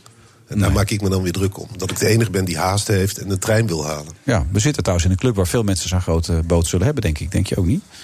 Ik, eh, ik denk het wel. Ik, eh, ik heb verder geen idee. Ik heb hier nog niet echt met eh, het talrijke publiek kunnen babbelen. Maar eh, ze zien er wel uit alsof ze voor een deel een boot hebben, ja. Ja, toch? Ja. Het is wel een apart publiek om hier te zitten, vind ik. In welk opzicht dan? Nou, heel rustig, heel bedaard. Alsof ze niet doorhebben dat wij eh, zitten te praten af en toe. Nou, een paar mensen hebben het door, maar daar zit helemaal ook rustig een krant te lezen. Daar, die kijkt nu even op, maar verder... eh, Maar jij- jij presenteert het programma op verschillende plekken, toch? elke week ergens anders over het algemeen. En hoe bevalt deze plek? Altijd wel goed. Ja, mensen zeiden, we hebben, de vorige keer was het wel zo. Toen, toen was het ook wat, wat, zat er meer stemming in. Toen gingen ze op een gegeven moment ook meedansen en zo. Dat, ja, dat, toen was er ook al wat wijn in en zo, had ik de indruk. Maar toen gingen opeens allemaal dames heel erg hip doen. Die gingen gek doen. Die gingen gewoon meedansen en zo op de dansvloer en zo. Dat was echt leuk. Oké, nou goed, dat maar maakt die dat kan nog, combi het niet is mee, tien over maar- vijf. Dus in dat opzicht ben je gelukkig in Wormer. Nou, ik zou liever in Amsterdam wonen. Maar dat lukt Of in Arnhem. Nou ja, het is wel heel moeilijk om weer terug te keren in de stad. De huizenprijzen hier eh, stijgen harder dan die in Wormer, helaas. dus de achterstand wordt steeds groter. Ja, maar jouw, eh, jouw, jouw ster is stijgende natuurlijk. Je bent een fenomeen aan het worden. Het levert ook niet meer eh, verdiensten, inkomsten en dat soort dingen op. Nou ja, ik zit hier volgens mij ook weer gratis. Dus nog niet. eh, eh, nog niet zoals ik het wil. Maar wellicht eh, ga ik dat ombuigen het komende half jaar. Maar ik, bedoel, je, wordt- je, wordt- je- dat is toch ook de essentie. Veel in beeld komen, waardoor mensen je op een gegeven moment gaan herkennen. En erkennen natuurlijk ook. Ja. Dat is ook je- waar je nu mee bezig bent. Een soort Daar ben ik nu mee bezig. Ja, wat is je streven dan? Waar zou je naartoe willen dan? Naar Amsterdam. Dan eh, stop ik ook meteen. Ja? Dan is het klaar? Of Arnhem, wat mij betreft. Maar ik ga niet oud worden in Wormen. We hebben daar een fantastisch huis. Maar ik heb gewoon heel weinig met die Zaanstreek. Ja, de helft is PVV en de helft is GroenLinks, zei je toch? Ja, en die- de middenweg is er niet. En discussie is er eigenlijk ook niet. Dus ik, ja, ik heb wel moeite met die mentaliteit daar. Je bent er eigenlijk eh, be- min of meer gedwongen terechtgekomen. Nou, ik heb het huis wel zelf uitgekozen. Ik bedoel, zo is het ook. Maar het is me wat tegengevallen. Ik ben gewoon gewend om in streken te wonen waar mensen spontaan met elkaar praten. Velp bijvoorbeeld. Velp, dan ben ik er van. Maar ja, goed, dan speelt je leven zich wel voor een groot deel in Arnhem af. En ik heb heel erg afgegeven op Velp altijd. Maar nu ik in Wormer woon, neem ik alles wat ik gezegd heb over Velp terug. Bij deze? Bij deze, sorry Velp. Ja, waar Jan Siebelink ook vandaan komt, toch? Ja. Dus Jan Siebelink. De Jan Is dat jouw streven om zo groot te worden als Jan Siebelink? Nou, ik wil daar wel voorbij. eerlijk Ja? gezegd. Je Ik wil wil voorbij wel- Jan Siebelink. Nou, ik wil het wel wat jonger bereiken dan hij. Hij, werd- hij brak geloof ik door op zijn tachtigste. Ja. Nou, ik hoop toch voor mijn zestigste door te breken. En dan gepijpt worden op het boekenbal. Dat vind je belangrijk. Nee, dat, vind, dat maak jij ervan. Nee, maar dat vind ik totaal onbelangrijk. Nee, maar ik, ik, ik kwam het ergens tegen dat je daar heel hard om moest lachen dat hij zich erop voorstond, toch? Nou nee, waar ik om moet lachen is dat iemand in een documentaire opschept... dat hij regelmatig is gepijpt op het boekenbal. Ja. Dan denk ik, ja, god, dan gaat de, de beroemdheid toch met je aan de haal. ik zou dat zelf nooit zeggen. Nee. Dan, ik dan, zou ben- dat voor me houden als het gebeurd zou zijn. dan zou een beetje, om met Wiep Kief te spreken, dan ben je jezelf een beetje aan het verliezen op zulke momenten. Dan heb je jezelf verloren. Ja. En Dat is ook wat je met je moeder gemeen hebt. Die vindt Jan Siebelink ook niet zo geweldig, toch?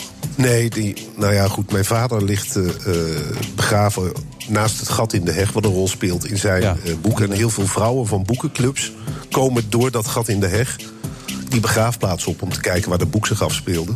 Maar dan staan ze wel op het graf van mijn vader. Daarom ergert mijn moeder zich aan eh, Jan Siebelink. Anders als dat niet het geval was geweest, zou ze Jan Siebelink een... Nee, dat ook niet. Want mijn moeder is wel een stoersvrouw dat. eh, ja, god, dat mannen met eh, gekleurde schoenen helemaal niks vindt. Even los van dat je naar Amsterdam toe wil. Je wil Jan Siebelink dus voorbij. Wat zou jouw streven als carrière technisch dan eh, zijn? Nou, er is, verder, eh, eh, er is verder geen streven. Als mijn inkomen dusdanig stijgt dat ik terug kan naar Amsterdam... of in Arnhem kan gaan wonen, dan ben ik tevreden. Oké, waar moet je dan op zitten ongeveer? Nou, eh, dat moet dan... eh, dan moet ik toch eigenlijk wel een eigen radioprogramma krijgen... wil ik dat eh, voor elkaar krijgen. Ja, dat denk je? Dat denk ik, hè. Ja? Waar moet Of je een op een eigen ton TV-programma. zitten? 150.000 euro per jaar. Waar moet je op zitten om dat te kunnen doen weer?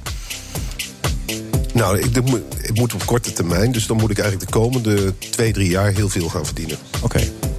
Nou ja, met al die bekendheid die je nu aan het vergaren bent... kan dat snel gaan natuurlijk. Ja, ik hoop dat ze in eerste instantie de mensen dan beginnen met het kopen van mijn boeken. Er zijn er nu twee in de winkel. Een boek over Theo Jansen en een boek over mijn moeder. Ja, dat boek van je moeder vind ik echt heel erg leuk. Het zijn de kleine dingen die het hem doen. Ja. Had je dat nog niet gezegd? Nee. Oh, nou, dan zeg ik het ook nog een keer. Het zijn de kleine dingen die je te doen. Dat is ook een liedje, hè? Ja, een heel oudbollig liedje. Ja. Het is geen oudbollig boek. Nee, absoluut niet. Oké. Een heel modern boek. Tot zo.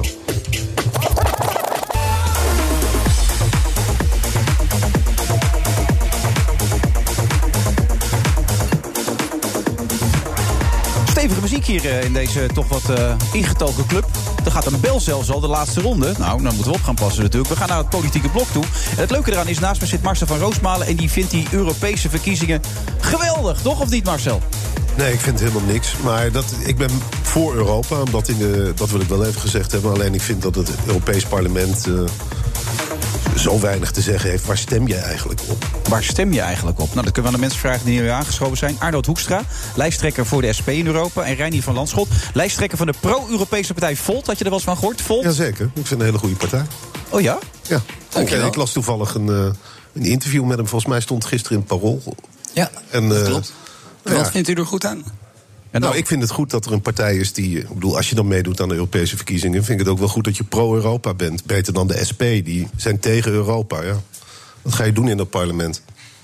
Ja, wat ga je doen in het parlement, Arnold Hoekstra? Wij zijn als SP zeker niet tegen Europa. Je kan ook niet tegen Europa zijn, want het is een continent. eh, en dat is een heel mooi continent. Eh, maar daarbinnen hebben we een samenwerksverband, de Europese Unie. Wat bedoel je trouwens mee, dat is een continent? Nou ja, kijk, Europa op zich... Ja. Dat is natuurlijk eerst een Griekse god, maar vooral ook een continent. Maar de Europese Unie is niet hetzelfde als Europa. Oké. De Europese Unie is een samenwerkingsverband. En daar zijn we heel erg voor. Omdat wij vinden ook als SP dat je op grensoverschrijdende problemen... moet je internationaal samenwerken. Maar wat we nu zien gebeuren is dat... Brussel, de Europese Unie, zich steeds meer gaat bemoeien met zaken die we prima lokaal of nationaal kunnen, kunnen regelen. De pensioenen, zorg, openbaar vervoer, volkshuisvesting. Dat is allemaal niet grensoverschrijdend. Kunnen we prima gewoon hier vanuit eh, of het stadhuis of de Tweede Kamer regelen. En dus maken jullie dus zo'n spotje waar iedereen nogal over praat op dit moment. Toch? Ja, dat, eh, dat zeker. Omdat we dat verhaal goed willen uitleggen. Dat eh, wat er nu gebeurt, is dat er een Brusselse elite eh, is. die steeds meer van die macht naar zich toe wil halen. Nederland wil eh, opslokken. Eh, en dat ook nog eens een keer doet voor 30.000 euro per maand. En dat hebben we inderdaad eh, nou ja, duidelijk laten zien in een spotje. Ja, waarbij- ja, wat wil je zeggen? Nou, dat, dat ik het eigenlijk ook heel goedkoop vond. En heel erg op de man. En ik kan me niet voorstellen, jij lijkt me een fatsoenlijk iemand... dat jij daar nou helemaal achter staat. Ja, ik sta er zeker achter, omdat het namelijk niet op de man is. Het is op de elite, op eh, de macht. Maar het is Frans Timmermans die we zien, toch? Daar in dat filmpje. Die lijkt daar eh, heel veel op. En we zien ook andere eh, bekende gezichten eh, vanuit de Europese Commissie. We zien ook eh, Mark Rutte voorbij komen met een speciale pop, een trekpop. Maar die mag nu niet meer. Dat wordt nu het gezicht van eh, Rob Jetten, begrijp ik, toch? Ja, die hebben we aangepast. eh, omdat de cartoonist eh, eh, het niet zo leuk vond. Maar vooral ook omdat nu blijkt dat eh, niet Mark Rutte, maar vooral Rob Jetten de grote trekpop is van de Europese Unie. Want hij wil nu in de grondwet verankeren dat Nederland eh, lid is van de Europese Unie. Zodat Om te voorkomen dat, dat Nederland eruit stapt. Nou ja, dat is natuurlijk, eh, dat is natuurlijk heel raar. Ik bedoel, eh, eh, dan ga je eigenlijk. Dan ben je bang dat hier ook een referendum komt. Maar Laurens Boven zit trouwens ook bij. Wat vind jij van het sportje eigenlijk, Laurens? Nou, ik, ik, ik heb het eh, in de uitzending een, eh, een ongekende attack-ad genoemd. Een Amerikaanse attack-ad die we eigenlijk in de Nederlandse samenleving, de Nederlandse politiek zo nog niet, nog niet eerder hadden gezien. Want er zit echt nul inhoud in van wat de SP nou eigenlijk wil. En het is natuurlijk ook. En, tenminste- en- en dat, dat vind ik wel zeer ongebruikelijk. Nee, maar het is toch ook, je behandelt mensen, eh, kiezers, eh, je denkt dat ze heel dom zijn door dit soort karikaturen aan ze te voeren. Je be- bekijkt eigenlijk naar de kiezers alsof ze, ja, alsof je ze minacht, dat je denkt dat mensen daar intrappen. Heb je niet zoiets dat? Nou, ik ben vooral wel benieuwd of dit nu een, eh, eh, hè, of dit nou uiteindelijk schade of goed doet bij de, bij de SP. Want ik zag Ron Meijer in, in, eh, bij Pauw uitleggen dat eh, de aanval op de Partij van de Arbeid, dat het ook een beetje teruggrijpt op, op vroeger, hè, waar de SP zich altijd positioneerde als een soort anti-PVDA, van echte linkse partij, waar de PVDA dat dan niet zou zijn, hè, of niet is volgens eh Ron Meijer. Maar al die PvdA-stemmers die jullie zouden kunnen aanspreken, die zijn al lang weg bij de Partij van de Arbeid. Die heeft die stemmers helemaal niet meer. Dus ik, ik begreep de logica ook niet zo heel erg om de PvdA-lijsttrekker nou zo aan te vallen. Eh, want de partij die, die is al geïmplodeerd. Ja, het is ook niet zozeer een aanval op de PvdA of op de Natuurlijk wel. PvdA-lijsttrekker. Natuurlijk wel. Dat is eh, Timmer- Frans Frans, Timmermans. Frans Timmermans is de spitsenkandidaat voor Van de de Partij van de Arbeid. Van de eh, Europese Sociaaldemocraten. En hij wil graag de nieuwe president van Europa eh, nee, hij worden. wil de voorzitter van de Europese Commissie worden. Ja, dat komt ongeveer op hetzelfde neer. Nee, de president van de Europese, dat is Donald Tusk. Dat is een andere functie. Nee, dat is maar- wel nee. belangrijk, want de voorzitter van de Europese Commissie... dat is het uitvoerend orgaan. Die, ge- de onder leiding van Tusk, de president van de Europese Unie... krijgt de commissie de opdrachten om de, de verdragen na te leven. En dat is wat Timmermans doet. Sterker nog, jullie pleiten zelf in jullie eigen verkiezingsprogramma ervoor... dat de commissie een belangrijke rol moet hebben... bij het beschermen van de rechtsstaat en, en, eh, en de vrijheid van meningsuiting... al de principes van de liberale samenleving. Dat is wat Timmermans doet. Hij hakt in op Oost-Europa, krijgt ontzettend veel kritiek vanuit Oost-Europa. Juist daarom, hij wordt achterna gezeten door de mensen van Orbán... als hij in, in Hongarije verkiezingscampagne komt, voe- eh, komt eh, voeren. Dus jullie vallen hem aan op iets waarvan ik gewoon niet zo goed begrijp... van waarom val je nou de- per se daarop aan? Dat is niet zo'n sterk argument. En wa- wat ik er zelf aanvallend aan vind, en dat is denk ik ook wel in die zin gelukt. Ze doen zoiets volgens mij is om ervoor te zorgen dat wij erover gaan praten. En er zit verder eigenlijk vrij weinig inhoud in. Dus ik vind eigenlijk dat we dat niet zouden moeten belonen, omdat ik het vrij smakeloos vond. En ik zou het juist liever over die inhoud willen help- hebben. Van wat wil je dan wel bereiken en hoe kunnen we dat in Europa het beste bereiken? Nou, voor een jonge politicus is hij goed bezig. Maar toch even het antwoord op de vraag, Arnoud. Waarom doen jullie dat nou? Ja, er zit drie minuten lang eh, inhoud in, eh, gericht op de Europese macht, eh, waar Frans Timmermans een, een belangrijk onderdeel eh, van is. Eh, en die vallen wij graag aan. En wij hebben daar wel degelijk alternatieven voor. Want je ziet heel veel eh, subtiele details naar voren komen, onder andere het Europees leger. Eh, Reinier van Volt is daar ook voor. Die willen al onze strijdkrachten van die 28 landen onder één eh, leger brengen. Ja, daar zijn wij als SP tegen. En dat laten we heel duidelijk in zo'n eh, in zo'n filmpje zien. En waarom eh, zat hij eigenlijk in zijn onderbroek? Dat vroeg ik me ook nog af. Ja, nou kijk, eh, wij willen duidelijk eh, zien hoe, hoe- laten zien hoe wij eh, denken dat die asociale macht eh, eruit ziet. En kijk, je hebt aan de ene kant heb je de vorm en aan de andere kant heb je de inhoud. En wij hebben ook heel veel eh, stukken geschreven over de inhoud. Onder andere een filmpje gemaakt over hoe arbeidsmigranten in Nederland uitgebuit eh, worden. En ik vind het ook jammer dat daar niet zoveel eh, eh, afschuw over uitgesproken wordt. Hè. Als wij echt bijvoorbeeld via opinieartikelen, via persberichten laten zien van kijk eens, hier worden eh, Oost-Europese arbeidsmigranten uitgebuit door Nederlandse uitzendbureaus, dan hoor ik niemand erover. En nu maken we een filmpje Ja, van ik een wil man met, z'n- met de broek op zijn enkels en nou is heel eh, de, de Partij van de Arbeid eh, achter Ja, ik wil de niet te veel de, de, de advocaat zijn van de Partij van de Arbeid. Maar het, het is toch waar dat Lodewijk Asscher, toen hij minister was van Sociale Zaken in Nederland, dat hij precies op dit punt dingen heeft bereikt in Europa. Om die uitbuiting terug te dringen. Ik merk er weinig van. Dus maar jij maakt een ordinair filmpje en dan vind je het raar dat het niet over de inhoud gaat. Dan komt het op neer, je verweer. ik vind het raar dat mensen ni- zich niet boos maken over de zaken waar het echt om gaat. Eh, ten eerste, zo'n eurocommissaris die 30.000 euro per maand in zijn zak eh, duwt, dat is kennelijk niet eh, eh, voldoende om, om je boos om te maken. Het feit dat arbeidsmigranten hier worden eh, uitgebuit, het feit dat er steeds meer macht wordt overgeheveld naar Brussel, daar maken zich mensen zich niet eh, boos over. Maar als er dan een, een man met een broek op zijn- op zijn enkel staat, dan is dat de ene keer eh, verschrikkelijk. Ja, dat vind ik eh, vreemd dat er dan zo gereageerd wordt. Nou, we praten er wel over, maar René, jij wil het over de inhoud gaan hebben. Precies. Kun je even kort samenvatten waar Volt voor staat? Ehm, Volt is de eerste Europese partij. We zijn in alle landen van Europa actief met hetzelfde, onder dezelfde naam en met hetzelfde partijprogramma. En we zijn eigenlijk ontstaan als antwoord op dat groeiend nationalisme. Want in een wereld waar globalisering een feit is, zijn te veel problemen die grensoverschrijdend zijn, nu niet opgelost. En het lijkt er ook niet op dat die opgelost gaan worden. En daarom moeten we veel verder Europees integreren en tegelijkertijd de Europese democratie versterken, zodat we de wil van de mensen in Europa kunnen vertalen naar beleid en problemen als de klimaatcrisis op kunnen lossen. Maar je ziet het bijvoorbeeld aan het Forum voor Democratie, die er juist helemaal niet voor zijn. Die krijgen een steeds grotere aanhang. Rechts trekt eigenlijk steeds meer, meer, meer, meer, meer kiezers. Dus waarom zouden mensen in Nederland dat willen dan, denk jij? Ja, ik- In 21% Europa. van de Nederlanders heeft in de Provinciale Statenverkiezing op eh, rechts eh, nationalistisch, populistisch geluid gestemd. Maar ik denk dat het merendeel van de mensen, de grote zwijgende meerderheid, heel goed doorheeft dat Europese samenwerking absoluut noodzakelijk is om die grote problemen Waar van blijkt vandaag dat uit volgens jou dan, die zwijgende meerderheid? Ehm, Dat is dacht- zo te denken. uit opiniepeilingen waar 80% van de mensen zegt voor Europese samenwerking te zijn. En ook ze- eh, 73% van de mensen zegt meer Europese samenwerking denkt nodig te hebben om die grote problemen aan te pakken. En dat spreekt jou aan, dit verhaal, Marcel. Eh, ja, omdat ik, het, eh, eh, eh, omdat ik het denk dat hij daar gelijk in heeft. Dat mensen er zo in staan? Ja, ik, eh, ik hoor helemaal niet eh, het grote anti-geluid om me heen.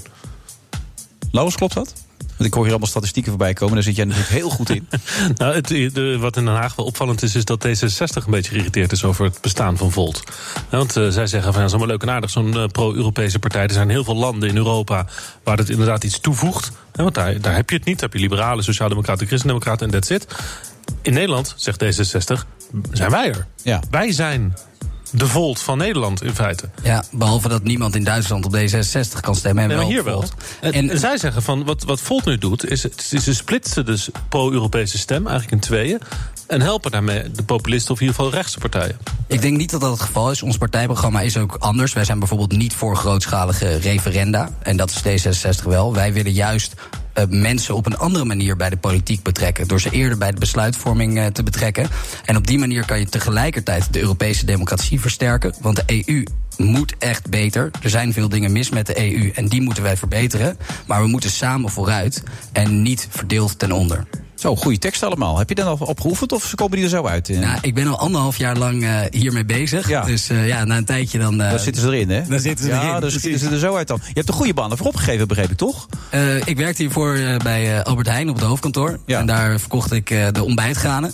En eh, dat was een hele leuke baan. Maar ik ben gestopt om eh, me fulltime als vrijwilliger hierop te, te richten. En met mij nog tientallen anderen. Dat je zijn- leeft op je spaargeld nu. Ja, ja, de bodem is in zicht. Maar het belangrijkste is, dat, dat doe ik niet in mijn Verkiezingsdatum eentje. ook, hè? Verkiezingsdatum is dus ook in zicht. Ja, gelukkig. Maar dat, Moet je dat wel een doen we zetel met- winnen, anders heb je wel een probleem. Ja, dan ga ik snel een andere baan zoeken en door als vrijwilliger. Gaan nou. we zo nog even door, want ik heb de indruk dat Arnold nog wel even wil reageren. Maar dat doen we zo na de reclame. Tot zo.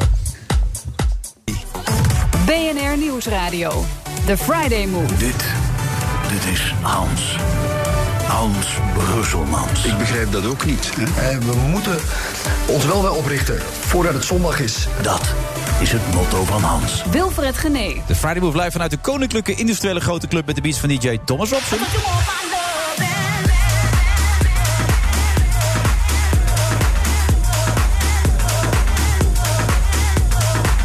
En nog steeds bij ons aan tafel Arnold Hoekstra, lijsttrekker voor de SP in Europa. Reinier van Landschot, lijsttrekker van de pro-Europese partij Volt. En natuurlijk onze eigen politiek verslaggever Laurens Boven. En Marcel van Roosmalen, die zich de hele tijd nog druk zit te maken over het filmpje tijdens de reclame. Ja. Of, eh, nou ja, goed, eh, ik was wel benieuwd naar eh, wat Ja? iedereen van het filmpje vond. Het zit je echt dwars, merk ik. Nou, ik vond het echt een dermate laag filmpje. Dat ik echt dacht van, ja, hoe, hoe kun je dat verdedigen? Maar ja, dat kan ook zijn. Een kat in het nauw maakt raar gesprongen natuurlijk ook, Arnold. Want zo goed gaat het natuurlijk de laatste jaren allemaal niet. En jullie zijn een nieuwe weg ingeslagen met Lilian. En dat slaat nog niet helemaal aan natuurlijk. Dus je moet ook dingen doen die opvallen, toch? Ja, ik denk dat we misschien de afgelopen jaren wel wat te vriendelijk zijn geweest. We hebben natuurlijk veel bestuurd in veel gemeenten. Ik ben zelf ook acht jaar eh, wethouder geweest in, eh, in de gemeente Vlaardingen. Ja. Eh, en als je gaat Bak, besturen... bak jij dan moet je- koekjes met, van Karl Marx, klopt dat? Ja, dat klopt. Dat Echt is waar? een, eh, een hobby van mij. verder gaat het goed? Ja, verder gaat het goed. Nee, dat heb ik één keer eh, gedaan, maar dat Oh, is ergens oké. eh, opgepikt in, eh, in trouw volgens Ja, mij. nee, dat zijn van die dingen die mensen onthouden natuurlijk. Maar goed, dat heb je ook ge- op dat niveau gedaan dus. Maar nu even naar, het en- gaat de en- laatste en- jaren niet zo goed. En we hebben natuurlijk heel veel eh, samengewerkt. En ik vind dat is ook goed om samen te werken. Eh, maar we zijn wel een beetje die, die brani verloren. En dat was ook wel de kritiek van onze leden eh, na de statenverkiezingen. Dat mensen op een gegeven moment zeiden van... we horen de SP niet, we zien de SP niet. eh, en we worden ook helemaal niet meer gehaat door het establishment zoals, zoals vroeger. We zijn altijd een anti-establishment partij geweest. Maar dan wordt de schop op het schoppen ook een klein Ja, De Nou, brani is terug, hoor. Ja, Even de satire. eh, dit- d- dat is zeker wat wij, wat wij willen bereiken. Is dat wij weer de confrontatie aangaan met de macht. En dat hebben we hiermee eh, mee bereikt. Maar En is dat ook zullen we een verwijt met aan veel- Lilian Marijnissen dit, die het tot nu toe niet zo goed gedaan heeft, als ik jou zo hoor. Nee, dit is geen verwijt eh, naar Lilian. Dit is eh, op, opnieuw weer durven om de macht aan te pakken. En dat afgelopen jaren was dat wat rustig geweest. Omdat we op heel veel plekken aan het besturen waren. En dat ging ook eh, eh, vrij goed. Tot de vorige gemeenteraadsverkiezingen. Dat, toen zijn weer een aantal colleges eh, verdwenen. En toen werden we eh, niet zichtbaar genoeg meer. En toen hebben de leden gezegd... we moeten zorgen dat, we, dat er weer over ons gesproken wordt. En we moeten zorgen dat we weer meer anti-establishment worden. Ja, en dan doe je dit soort dingen dus. Daar komt het een beetje uit voort. Dat is wat je zegt eigenlijk. Dan, dan ga je tegen de gevestigde orde aantrappen om eh, de macht, in dit geval in Brussel, ter discussie te stellen. En er is alle reden, inhoudelijk, politiek inhoudelijk, om die macht in Brussel ter discussie te stellen. Vind jij dat ook? Ehm, er zijn zeker een aantal dingen waarin de eurosceptici gelijk hebben hoor. Het moet eh, eh, veel transparanter en er moeten andere dingen anders geregeld worden. Onkostenvergoedingen bij D66 en zo, dat soort dingen ook. Dat, hè? dat soort dingen. Maar w- waar het vooral om gaat ook is als je bijvoorbeeld eh, wil dat grote bedrijven, eh, grote techbedrijven een eerlijke hoeveelheid belasting gaan betalen, wat de SP graag wil, dan kan je dat in een geglobaliseerde wereld waarbij de omzet van Amazon groter is dan ons bruto nationaal product, kan je dat alleen doen als je in Europa veel verdergaand samenwerkt. Dus dat is precies, wij zijn een constructieve, positieve partij die denkt dat we juist die Europese samenwerking veel meer moeten verdiepen. Ja, dus dat, dat vinden wij ook. Hè. Europees samenwerken op grensoverschrijdende problemen. En het ontwijken van belasting, ontduiken van belasting is zo'n probleem wat je internationaal moet aanpakken. Maar wat zien we? Die Europese Unie, daar, daar lopen 30.000 eh, lobbyisten rond van het bedrijfsleven, waaronder die grote techbedrijven. Er komt dan een voorstel bij die Europese Commissie vandaan om een maximale belasting voor techbedrijven in te voeren. Dat betekent dat eh, landen niet meer dan 3% mogen invoeren, in plaats van dat ze een minimumpercentage invoeren. Want als je als Nederland zegt wij willen 6% of misschien 12% belasting heffen op Facebook of Google, dan mag dat niet van de Europese Commissie. Dus het werkt alleen maar tegen. Daarom willen wij van Volt ook een minimumgrens van 15% hebben. Maar waar het om gaat is hoe is de EU nu, in, nu ingericht? En dat komt omdat iedereen te veel naar zijn nationale belang kijkt. Dat, daardoor komen we niet verder. Een simpel voorbeeld. Ierland wil deze belastingveranderingen niet en kunnen deze veranderingen vetoen. In Ierland woont 1% van de Europese bevolking. Moet je voorstellen dat wij Nederland zo hadden ingericht dat als 99% van de bevolking iets wil, dat bijvoorbeeld de bevolking van Breda of Haarlem, 1% van de Nederlandse bevolking, in zijn eentje dat tegen zou kunnen houden. Als dat ons systeem in Nederland zouden zijn, dan zouden we toch allemaal tegen elkaar zeggen: jongens, we zijn mee bezig. Laten we een democratie inrichten zoals die ingericht moet worden. En de parlementaire democratie zoals we in Nederland, als we die nu in Nederland hebben, die moet naar een Europees niveau. Je vertelt het mooi, Reinier. Maar eh, Laurens, even aan jou een vraag. Is er ruimte voor een partij als Volt in een tijd als deze... waarin de burger ook politiek moe is? Eh, d- nou ja, d- het is een beetje lastig nu met de peilingen. Want er zijn niet zo heel veel peilingen over de Europese Unie. Het electoraat is heel onvoorspelbaar, omdat er maar een heel klein groep mensen eh, op kon komen. Jongeren die waren er absoluut niet bij bij de vorige verkiezingen. En daar target Volt nu heel erg op. Dus ja, als zij eh, stemmen krijgen en een zetel halen, dan is er per definitie ruimte voor. Nee, dat is je antwoord inderdaad. Ja, maar de- heb dus- jij het gevoel dat dat er is? ik denk het wel. Is de urgentie zo groot voor een partij als deze dat ze een kans maken? Ik denk het wel. Ik denk dat er toch. Een, de- de- er zit een generatieconflict in de samenleving. Dat is er gewoon echt. Dat zie je bij klimaat, dat zie je bij de Europese Unie ook. Europese jongeren zijn veel pro-Europeeser dan de oudere generaties. Bij de pensioendiscussie, waar jongeren totaal niet in geïnteresseerd zijn, maar de belangen van de oudere generaties voornamelijk worden behartigd eh, via de, via de bonden. Maar in Op heel Engeland veel bleef, dossiers bleef al zie die je- jongeren weg en toen kregen we de Exact, brexit. Ja, precies. Dat is toch precies dat generatieconflict wat ik bedoel. De jongeren die zijn dus niet politiek actief genoeg. En in die zin is het heel spannend als Volt, als dat doorbreekt... als dat dus die jongeren kan mobiliseren. De klimaatdemonstraties, wat jongeren mobiliseert... als dat allemaal opkomt, dan, dan versterkt dat eh, en, en maakt het veel kleuriger. Dat in is ook een Nederland. beetje het idee achter de Piratenpartij een paar jaar geleden, toch? Dat Europese. Ja, er zijn gevoel. landen, er zijn steden waar de Piratenpartij wel degelijk in het parlement is gekomen. Ja. Ehm, maar of er ruimte is voor een partij als Volt, ik denk het wel. De eerste keer dat wij in de krant kwamen, toen kreeg ik van... gek zijn als je nee zou zeggen Nee, nee, maar, trouwens, maar, maar om het feitelijk te, even met feiten te onderbouwen... de afgelopen twee weken hebben wij elke dag meer dan 100 nieuwe vrienden van Volt erbij gekregen in Nederland. In Europa eh, groeit ons ledenaantal naar de tientallen duizenden. En je ziet gewoon dat mensen ook behoefte hebben aan een partij die positief is en constructief is. Wij worden wel eens verweten dat we te lief zijn. Nou, ik vind dat niet erg. En wat je natuurlijk wel de bestaande partijen kan verwijten, is dat, dat ze het laten gebeuren. Hè? Dat ze dus dat gat laten vallen. Bijvoorbeeld bij de Partij van de Arbeid stemde bij de vorige Tweede Kamerverkiezingen eh, 2% van de jongeren, eh twintigers, vroeg jonge dertigers, op de Partij van de Arbeid. Bijna geen één dus, hè? Dat is niet veel, Bijna nee. niks. Nee. En, en dus die partij is voor jonge, de jonge generatie bestaat die eigenlijk helemaal niet.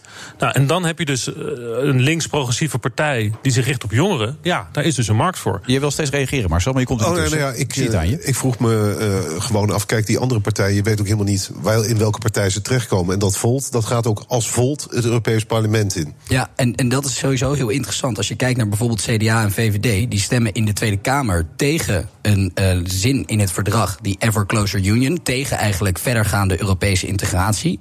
Maar Rutte en Wopke Hoekstra houden op andere momenten weer lezingen waar ze heel pro-Europees zijn. Dus op welk CDA stem je nou? De pro-Europese of de anti-Europese? Op welk VVD stem je nou? En wij zijn gewoon eh, ongehoord positief en willen meer Europese integratie. En, en de SP, waar komt die in terecht in Europa? Hoe heet die partij? Wij werken uiteraard ook eh, samen binnen een groep. Eh, wij zijn niet één partij, maar net als alle andere partijen werken we samen. Wij zitten in Verenigd Links. Dus dat betekent dat gelijke partijen, zusterpartijen in andere Europese landen, dat we daarmee samenwerken. Maar wij willen niet net als Volt echt één partij eh, hebben, omdat het zijn 28 nationale verkiezingen. En we kiezen hier 26 Nederlandse volksvertegenwoordigers.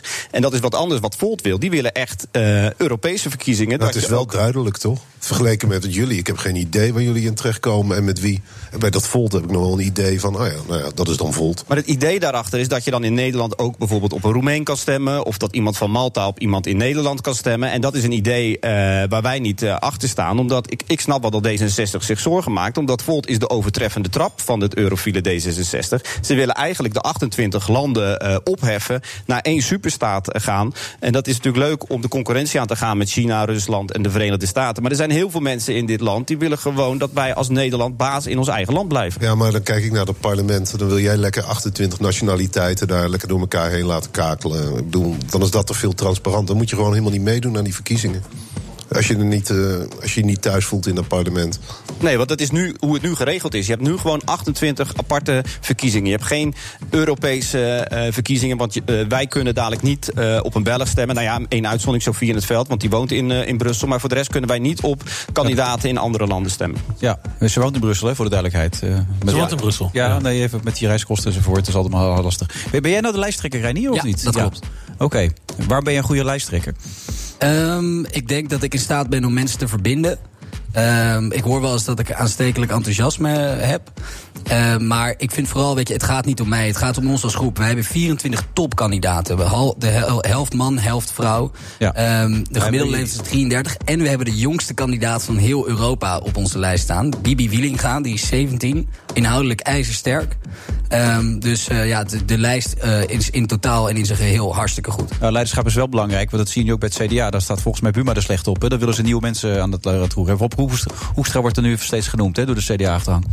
Nou, ik denk niet zozeer dat. Nou, ja, nou, nou, Buma is slecht op, Buma gaat weg. Ja, nee, maar dat, dat vindt de CDA-kiezer wil ook dat Buma plaats gaat maken. Oh, is dat zo? Ja, dat blijkt nu uit een onderzoek dat net naar buiten is gekomen. Oh, dat had ik nog niet gezien. En daar komt eh, Wopke Hoekstra voor 60% vinden- van- vinden dat, eh, dat eh, hij dat moet gaan Ja, maar worden Bob dan. Hoekstra heeft ook wel een enorme eh, profileringsweek achter zijn rug. Hè? Dus Zo, eh, Oh, ja.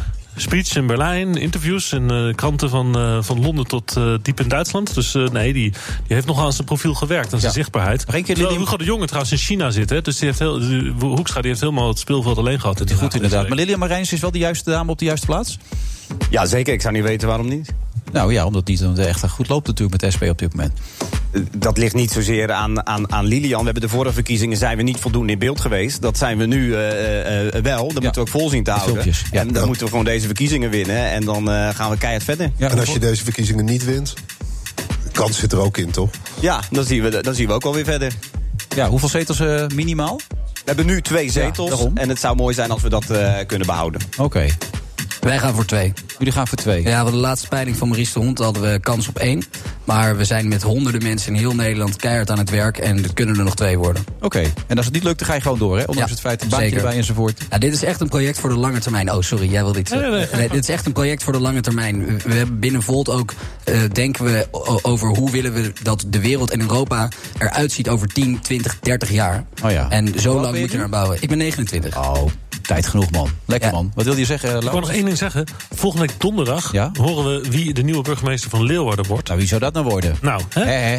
Hallo. Ja. Dus, goede kans. Althans, het gaat rond dat het Hey, joh, Buma dat is Buma toch gewoon, man. Dus ik Kom ga op. proberen, als Buma dat wordt, dan, dan is hij dus volgende week weg. Gaat hij weg uit Den Haag. Dan moeten we hem natuurlijk wel eigenlijk hier bij jou Ja, hebben. Siebrand en ik, wij zijn, Hè? wij, wij Jullie zijn zijn zo vrienden. natuurlijk. Dus die gaat langskomen, Cambuur-fan. Eh, Ja. Dankjewel, Reinier. Succes. En Graag dat zeg ik ook gedaan. tegen jou, Arnoud. En eh, jij ook, eh, Laurens. Volgende Ja. week zien we elkaar weer. Tot zo. Ik wel.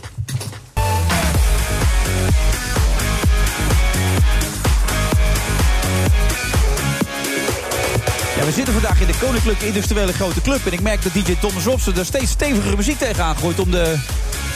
Misschien wat ingedutte gemeenschap hier een klein beetje los te schudden. Alhoewel, de wijntjes gaan erin en ze worden ook steeds losser. En dat zie ik ook aan Marcel van Roosmalen. Jij begint ook te bewegen, Marcel. Dat Zag ik Zo. net. Je wenkbrauwen gaan op en neer. Het is, Het is bijzonder. ongelooflijk wat hij met me doet. En het, vooral die muziek, inderdaad. Ja.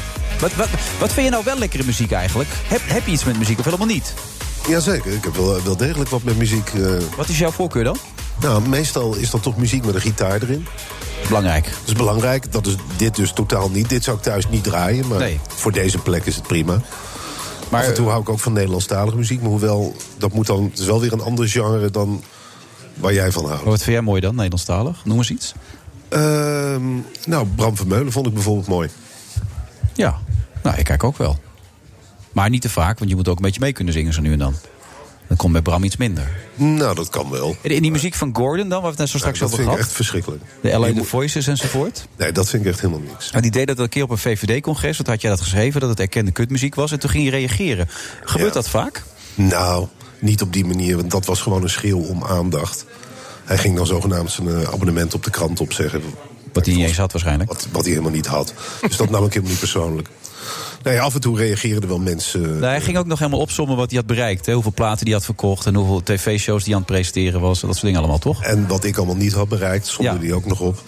Dus ja, ja goed, dat neem Hij ik zet dan jou voor neer als een kennisgeving. ge- ge- gefrustreerd schrijvertje. Ben je gefrustreerd? Nee, helemaal niet. Nee, je bent Dus gelukkig? Ik ben, ja, ik ben zeker nu wel gelukkig. Ook in Wormer, ondanks dat. Ja, want er is natuurlijk wel wat meer dan de plek waar je woont. Dat is waar.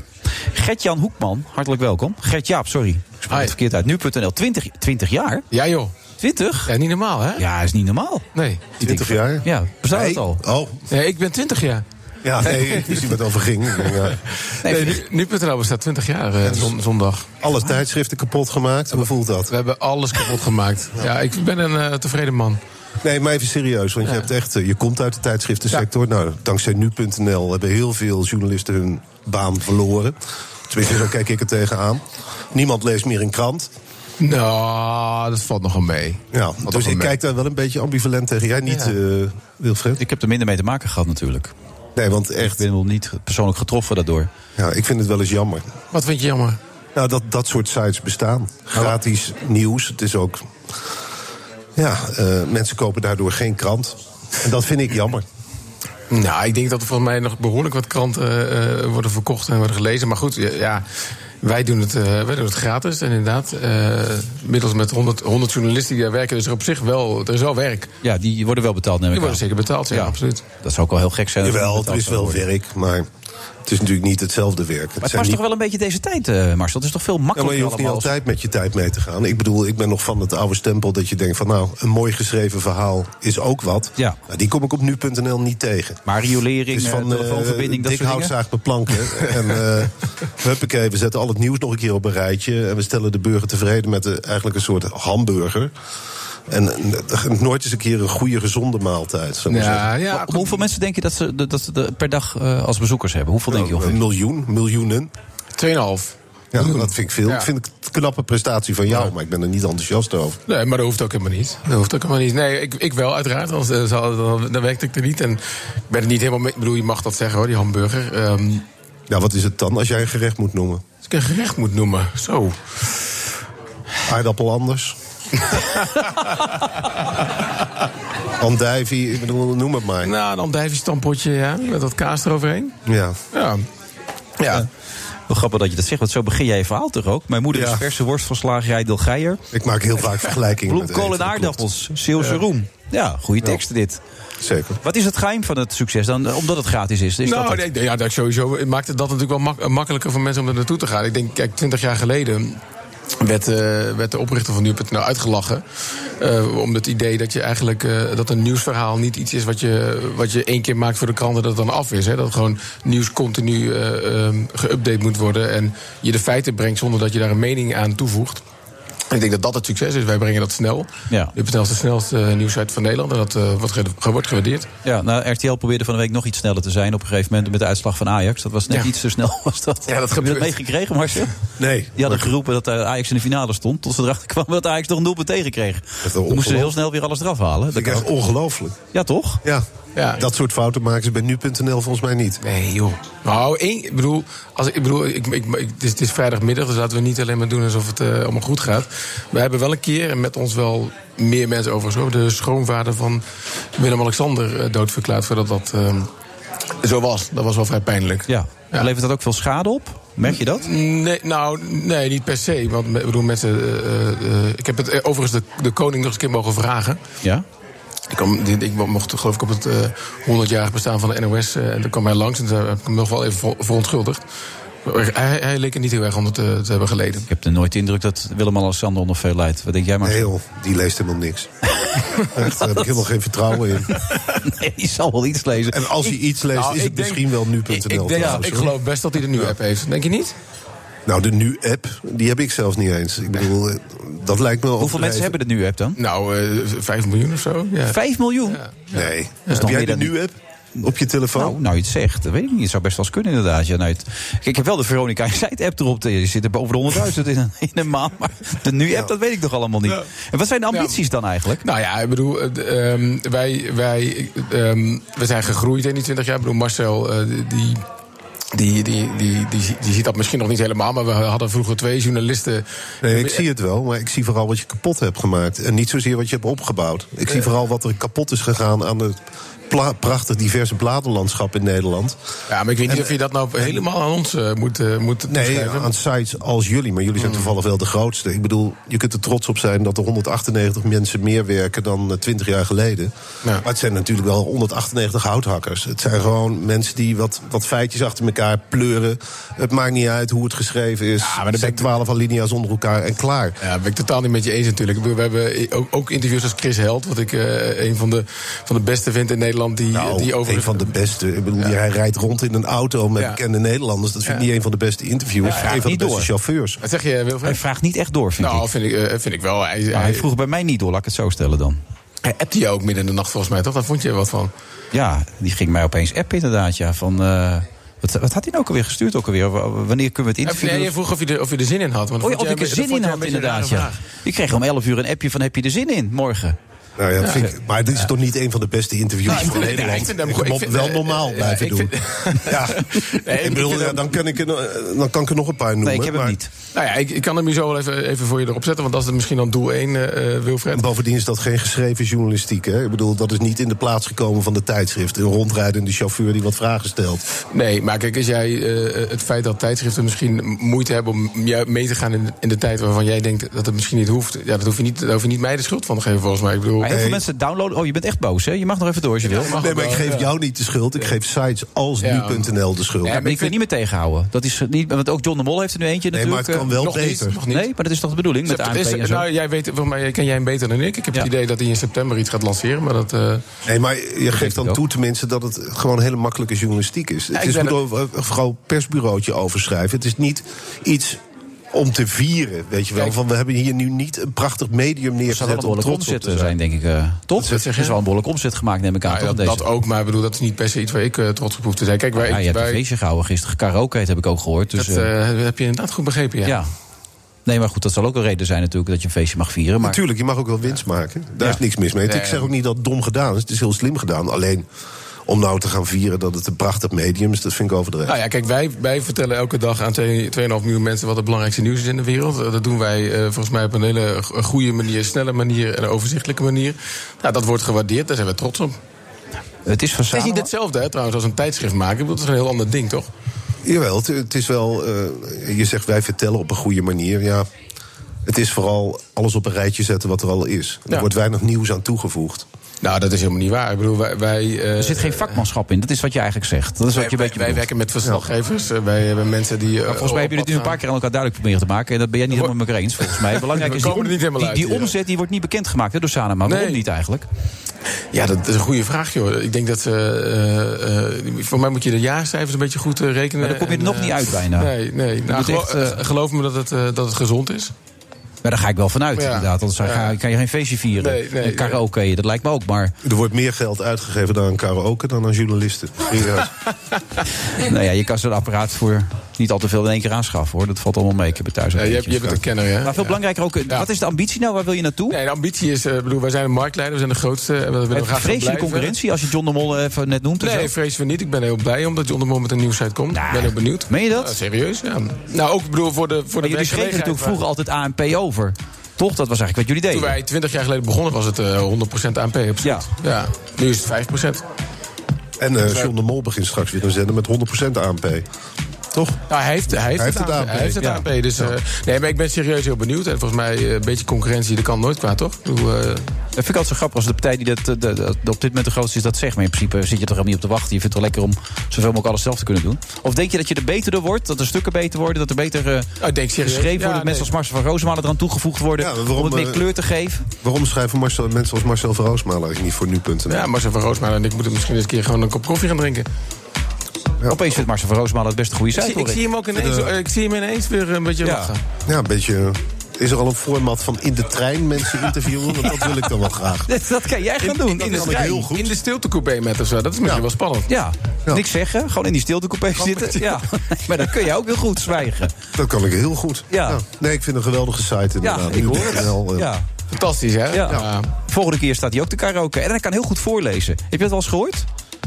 Ik, heb, ik ben Misschien een, moet je ik ben dat een, gaan doen. Ik ben een vervent luisteraar van de krokant op de leesmap. Dus ik ben bekend met zijn stem. Kan, kan Marcel niet gewoon een aantal nieuwsberichten voorlezen elke dag? Dat mensen gewoon even kunnen luisteren. naar Lekker hem. vrolijk wakker worden met Marcel. Ja. ik, ik hoor hier nu al ideeën voorbij komen. Dankjewel, Wilfred. Ja. Nou, volgens mij komt dat helemaal goed. Gert, ja, Hoekman. Eh, tot over 20 jaar. Dankjewel. Ja. tot zover en na de reclame.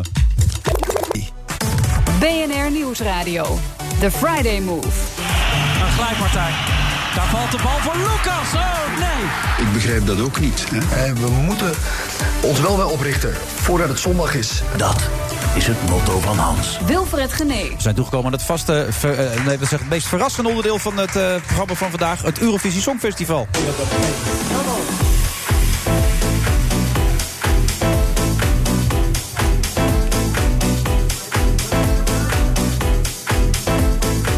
Alweer het laatste half uur van de Friday Move. eh, Beats van DJ Thomas Robson. We zitten nog steeds in die eh, koninklijke grote industriële club ergens op de Dam, volgens mij.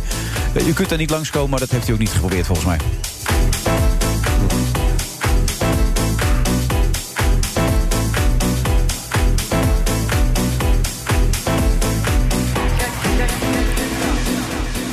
Je hebt een boek over je moeder geschreven. Dat was ook eh, commerciële druk, begrijp ik. Dat was, eh, iemand heb je al gezegd, dat moet je gaan doen? Of heb je het toch wel helemaal zelf bedacht? eh? Nou, dat heb ik wel helemaal zelf bedacht. Eh, Het, eh, eh, het boekenweek- boek eigenlijk? Het zijn eh, de kleine dingen die je te doen. een leuke het zijn naam. eigenlijk 70 eh, korte verhaaltjes over het contact tussen mij en mijn moeder. Ja.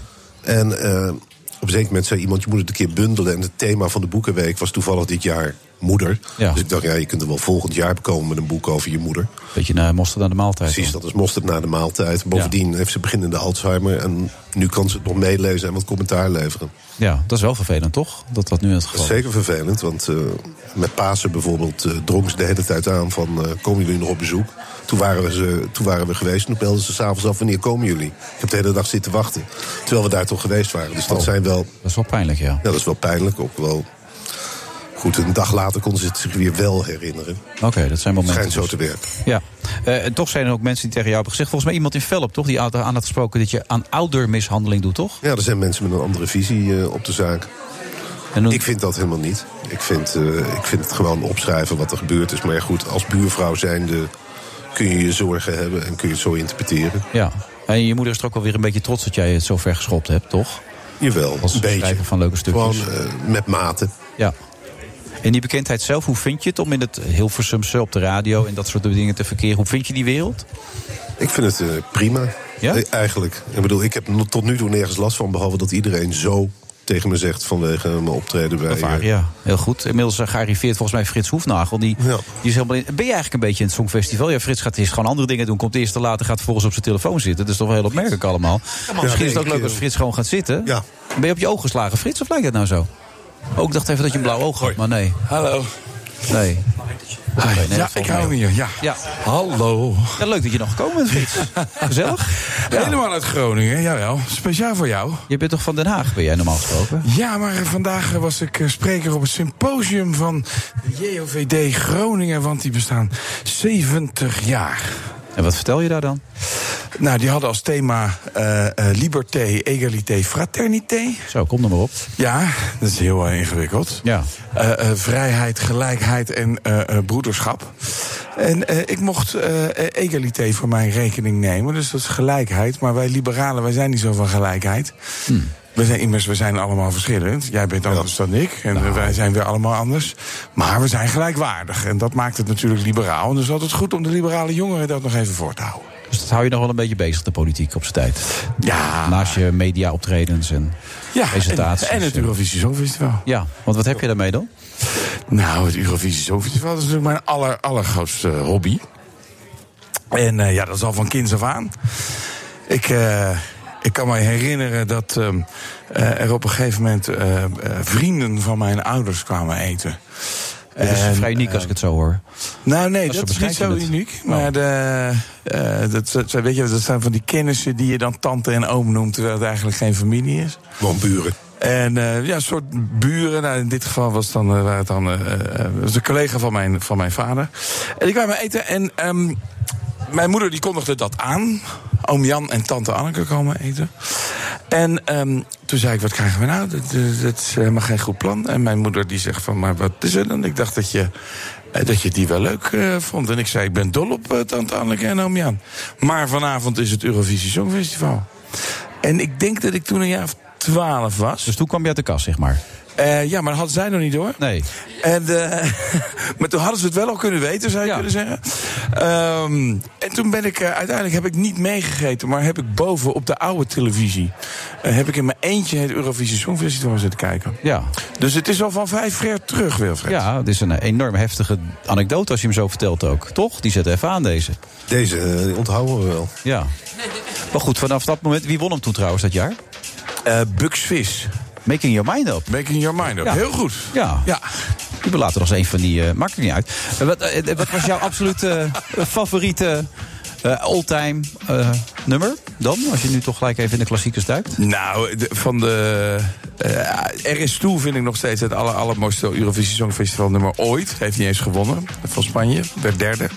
Eh, maar Lorraine met Euphoria is natuurlijk ook zo'n dijk van een nummer. Ik ben, ik ben hem al kwijt. Ik weet, het- ken jij het of niet? Nee, ik ken hem niet. Nee. Nou, dan gaan we hem zo even draaien. Oké, nou dan zijn we er zo weer na de reclame. Tot zo.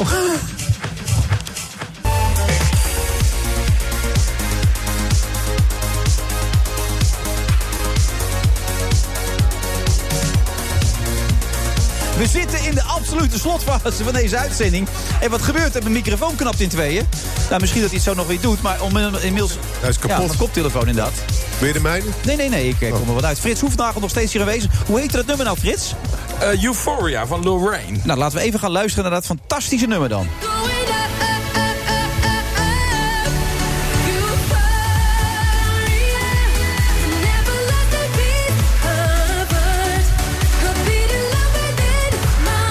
Is dit een soepversie van hem? Ja. Het is echt een lekker nummer. Ja, Ja. Maar eh, help me even mee. Wanneer was dat? Eh, je moet je bril nu even afdoen, zie ik wel. Eh, dit was, zo, dan moet ik altijd heel, eh, eh, 2012.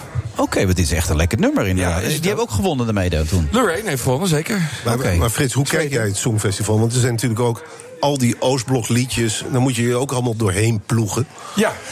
vind je dat leuk? Of val je meer op de puntentelling, zou ik maar zeggen? Nee, ik vind het allemaal leuk. Dus ik ga, eh, ik ga zeker eh, allebei de halve finales eh, eh, volgen. De eerste halve finale is dinsdag. Daar zit Nederland nog niet eh, in. Dan ben ik ook nog in Nederland. En dan woensdag vlieg ik naar Tel Aviv. Waar ja? Ja, en dan donderdag eh, ben ik waar aanwezig bij de tweede halve finale. Waar en gewoon Nederland in voor de zit. lol ga je daarheen. Niet Compleet beroepsmatig. voor de lo- Nee, niet beroepsmaat. Ik word wel eh, één keer daar word ik regelmatig gebeld wel door mensen van... oh, kan je dan ook eventjes eh, eh, vertellen eh, hoe het eraan toe Nou, dan gaat? eh, ga je ook even bellen van de week op de radio bij Ja, Veronica. gezellig. Leuk man, Ja, gezellig. Ja, helemaal goed. Zetten we Euphoria even klaar? ja. nu weet je wat je moet draaien. Dus eh, nee, dat is helemaal leuk. En, en het allermooiste daarvan is wel, kijk, en dan zeker bij die finale, die is dan zaterdag. Dat. ehm, daar, doet- daar doen eh, eh, niet alleen heel veel landen eh, mee, maar daar, is- al die landen nemen ook allemaal supporters mee. En die supporters zitten allemaal door elkaar heen. Dus je moet je voorstellen, zoals eh, eh, vorig jaar, dan eh, naast mij zat er een, een, een Poolse man. Hoe herken ik die? Omdat hij een trainingspak aan heeft met de Poolse vlag erop. Eh, rechts van mij zaten mensen uit. eh, Maar er zitten ook heel Israël. veel heteroseksuele mannen dan in de zaal die dat leuk vinden. Of, Ja. Want dat is met name bekend om het feit dat homoseksuele mannen dat heel erg leuk vinden. Ja, die vinden dat zeker heel erg Ja. leuk. En dat percentage is ook wat hoger dan Ja, eh, normaal. het wereldgemiddelde, zou ik maar zeggen. Ja. Ehm, maar er zit van alles en nog wat om je. En op het moment dat er een land is, dan, eh, dan zegt iedereen daaromheen: hey, succes! Of eh, eh, goed gedaan aan het eind. Of eh, weet je, dat Het is verbroedert. zo'n fantastische sfeer. Totaal geen cynisme. Geen cynisme. Nou, daar kunnen wij er niet naartoe, ook hoor ik wel. eh, wat. En eh, ja, nou ja, vergelijk dat maar even met een, eh, met een gemiddelde voetbalwedstrijd. Dit is zo'n feest. Het is, zo'n, het is een feest van muziek. Het is een feest van verbroedering. Ehm, en er zijn heel veel feesten eh, omheen. Dus ja, en het is natuurlijk ook de Maar spanning. hou, hou en jij het is daarvan, een van beetje feesten camp. of niet? Ja, vind je dat leuk? is dat wel jouw ding, ja? Ja, dat had je niet verwacht. hè? Nee, hè, daar kijk je Nee, heel nee, erg nee, van op. nee, nee. Dan gaan we even luisteren naar Sta heel Duncan anders Lawrence. te Dan komt hij doen. even Duncan Lawrence, even deze. big arcade. I got addicted to a losing game. En nu kijk ik naar de deskundige en die leeft nu alweer mee. Die, die zit er helemaal in gelijk. Kunnen we... Ja, dit is... De vlag hijsen? Ja, dit, dit, is, zo- dit is echt eh, de- misschien wel de allerbeste inzending die we ooit hebben eh, gedaan. Dit is Songfestival 2019. Dit is niet meer een, eh, een vrouw met een indianentooi op die drie minuten lang vals zingt. Eh, dit is niet meer shalali shalala eh, met een, eh met een Sineke. orgel. Ja. Sineke, schat van, schat van een meid. Dit is echt een heel ander eh eh, Kaliber, niveau. dit is... eh Dit nummer komt buiten categorie. binnen. En voor het eerst in jaren staan we echt al heel lang op één bij de boekmakers. Zelfs met een groot verschil. Dus de, de, de kans is echt nog nooit zo groot geweest dat we gaan winnen in de afgelopen jaren. Komt eigenlijk een beetje sinds Anouk zijn we weer door een- naar een veel hoger eh, eh, niveau eh, eh, gegaan. Ehm, en ja, het zou, weet je, eh, eh, de Common Linners werden nog tweede. Die moesten alleen Oostenrijk voor laten gaan met eh, Conchita. Conchita Woest, Ja. schitterend nummer. vrouw was, met een baard. Was natuurlijk leuk geweest. Het is een man met een baard. En hij Oh ja, heeft een een jurk man met aan. een baard, dat was het Voor de inderdaad, ja. zekerheid. Ehm, we werden toen tweede, was natuurlijk heel erg eh, spannend. En nu, ja, we- ik, ik denk, de kans is echt heel erg groot dat we gaan winnen. Ja, we zijn Nederland, hè, denk ik wel. Hè? En we zijn Nederland en dat betekent dat Worden we het meestal tweede. volgend jaar weer in Nederland mogen doen. Nou ja, daar heb je ook wel een punt. Je kan er een beetje cynisch over doen. Maar als we tweede zijn Joop worden, Zoetemelk. is het natuurlijk nog steeds een fantastische prestatie. Nee. Maar inmiddels, inmiddels, ja, reken ik er wel een beetje op... dat we gewoon eh, de trofee mee naar Nederland nemen. En jij, Marcel? Nou, ik reken daar helemaal niet op. maar het zou natuurlijk goed kunnen. En ik vraag me wel af, wat, wat doet dat dan met jou? Ik bedoel, je zit hier nou vrolijk mee te, te, te knipsen. Dat deed je vorig jaar, neem ik ook aan. Ook bij het Nederlands nummer. Het maakt het qua stijl niet uit. Je bent dan sowieso Pro. Nou ja, Heb je wel eens een slecht nummer van Nederland dat je dacht, nou, dit ga ik niet aanmoedigen? Is er de afgelopen jaren een nummer geweest? wat je zegt, Nou, ik, ik, heb, ik, ik had het net over een, eh, een, een dame met een indianentooi op die drie minuten lang vals zong. Dat was Joan Franca. Oh ja, die was ook niet zo. Dat was, dat was in eh eh, Azerbeidzjan, in Baku. Was je daar ook? Daar was ik ook. Nou ja. En ja, maar ja, dat, wa- dat, was, echt, dat was echt wel terug. Toen haalden we ook de finale niet eens. Nee. Maar, maar, wel heb je dat gefeest. wel van tevoren... Uit je dat dan van tevoren, dit vind ik niks? Of is dat toch die algehele Nou, dat verbroedering had ik je mij zegt, laten ontvallen. En haar moeder, die ook mee was, die hielp mij daar nog even aan herinneren. Niet te veel moeders mee, zou ik zeggen. Maar je bent, als ze gaan winnen, waar we dan maar van uitgaan... hoe blij ben je dan? Dan ben ik waanzinnig blij, want ik had al tien jaar geleden echt eh, niet meer opgerekend dat ik bij leven nog een keer zou meemaken dat Nederland zou winnen. Nou ja, dat had ik dus van een week. Ik dacht dat bij leven niet meer zo meemaken dat Ajax de finale van de Champions League zou halen. ja, ja, ja, ja, verschrikkelijk. En dan gebeurt het zo. Wat, wat zijn de belangrijkste concurrenten? Wij moeten natuurlijk een beetje, een beetje geïnformeerd worden. Natuurlijk. Ehm, Rusland. Rusland heb ik gehoord, ja. Rusland doet het ook heel goed. Eh Sergei Lazarov heeft drie jaar geleden ook meegedaan. Werd toen derde. Eh, dus, dus dat is wel een serieuze concurrent. Alhoewel ik eerlijk mag zeggen dat er wel echt een gat zit tussen de nummers. eh, eh, eh, de, tussen de nummer 1, dus Duncan Lawrence, wij. eh, en, en 2 en eh, 3. help me even met die boekmakers. Hoe vaak kwam dat uit? Ja, precies. Dat vraag ik me ook. Dat is wel belangrijk namelijk. Oh. komt eh, eh, bijna altijd uit. Eh, wat nog wel een beetje verschillend is. ehm, ik zeg altijd, ja, als je te snel eh, de favoriet bent, eh, is het gevaarlijk. Want dan gaan mensen op zoek naar een alternatief. Ja. dus niet te snel aan kop komen, zeg dus jij. Niet te We snel zijn te snel aan kop gekomen. Eigenlijk. Maar nu zijn we echt aan kop met een enorm eh, groot verschil. Dus als hij het nummer gewoon zingt eh, zoals hij dat eh, eh, moet zingen... en hij kan fantastisch zingen... bovendien is het een ongelooflijk sympathieke kerel. En dat, eh, dat hoor je natuurlijk ook daar in eh, Tel Aviv... van andere deelnemers, van de pers van andere eh, landen. Als hij dat gewoon doet, dan gaan we winnen. Dan laten we Rusland achter ons, dan laten we Zweden achter ons... we laten eh, eh, Zwitserland eh, eh, achter ons. Ik denk, eh, ja, eh, IJsland was nog was een beetje een apart nummer. Ik hou hou daar niet zo van. Het is een beetje hard rockachtig. Het zijn- het is een beetje een soort SM-act. Van jongens die doen alsof ze homo zijn. Volgens mij zijn ze allemaal getrouwd. Maar het is eh, met een vrouw. Eh, en volgens mij is het muziek die ze in IJsland mooi vinden. En in de Scandinavische landen. En ook nog wel in Oost-Europa. Dus dat gaat wel punten krijgen. Want er is maar één nummer in dat soort. eh, eh, dit keer. Maar ze zakken wel toch een beetje weg bij de boekmakers. En daarna ga je ladder zat worden als dat gebeurt, of niet? Eh, en, en, en, en dat blijven. Ja. Dus de rest van jouw leven ben je dan ladderzat. In ieder geval tot volgend jaar wanneer het in Nederland is. Ja, ben, ben jij een karikatuur van jezelf eigenlijk? Dat hebben we een beetje als thema gekozen vandaag. Want eh, eh, Marcel is een karikatuur van zichzelf. Ik ben het inmiddels ook. Filemon Westelijk is het. Hadden we die vond het zelf van niet trouwens. Hoe zit het bij jou? Nou, ik ben meer dan alleen Eurovisie Songfestival eh, fan. Mhm. Maar eh, als eh, Eurovisie Songfestival fan vind ik het geen enkel probleem om een karikatuur van mijzelf te zijn. Want het is zo'n groot feest. Allergrootste muziekfestival ter wereld. Waar honderden miljoenen mensen naar kijken. En stel je nou dat Duncan wint. Dan zet hij daarmee Nederland op de kaart. Volgend jaar in Nederland. En dan gaan we heel de hele wereld weer laten zien wat voor gaaf land we zijn. Oké, tot slot Marcel, heb jij nog dromen?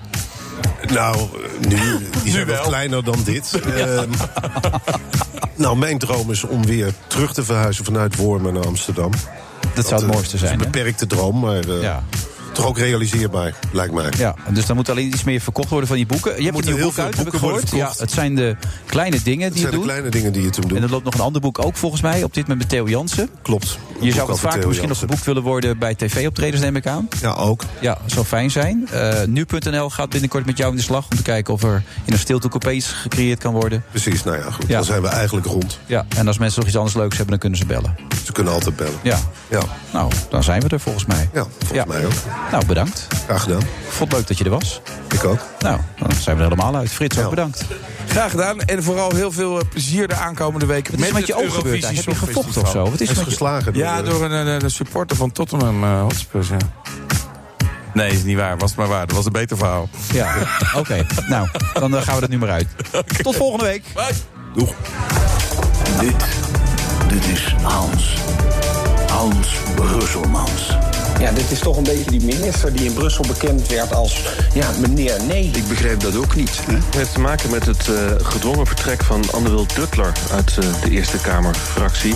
Ja, dit loopt dan zo naar een hoogtepunt dat het onontkoombaar is dat er een einde moest komen aan het fractielidmaatschap van, van mevrouw Duffler. Hans wil één Europese superstaat. Very beautiful letter from President Xi. Wir sind, wir sind den größten Handelsblock der Welt. Ja, en nu lijkt de laatste pilaar van vrije en eerlijke verkiezingen eh, ja, ook verloren g- gegaan te zijn. Groot, groter, grootst. Dat is het motto van Hans. En ik vind echt dat we deze kant uit moeten. Ja, daar moet je een antwoord op hebben. En ik ben blij dat Hoekstra dat nu doet. Eh, we moeten ons wel weer oprichten voordat het zondag is. Hè? En, ja, en daar zullen we op tijd mee moeten beginnen. Er moet echt die hele formule op de schop, daar moet dan ook flink in geïnvesteerd worden. Ja, en als je dan op zo'n lullige manier, dat, dat, dat was het echt, dat doelpunt tegenkrijgt in echt ongeveer de laatste seconde van de wedstrijd, dat is heel vervelend. Ja. Een glijpartij. Daar valt de bal voor Lucas. Oh nee! De voetbalhel.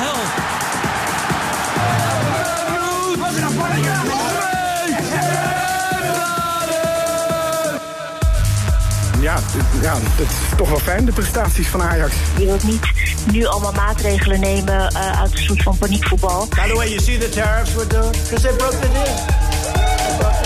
They broke the deal. We hebben natuurlijk allemaal dezelfde klimaatdoelstellingen. Kijk, die motie die gaat over drie woorden. hè. Ever closer union.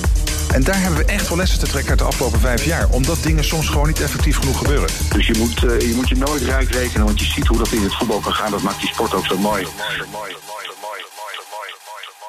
De Friday Move wordt mede mogelijk gemaakt door TUI. Ook Liesbeth Staats vind je in de BNR-app. Ja, heel handig. Luister live naar Kees en mij tijdens de Daily Move. Dan blijf je ook gelijk op de hoogte van breaking news en het laatste zakelijke nieuws. En daar vind je ook alle BNR-podcasts, waaronder de Perestrooikast. Download nu de gratis BNR-app en blijf scherp.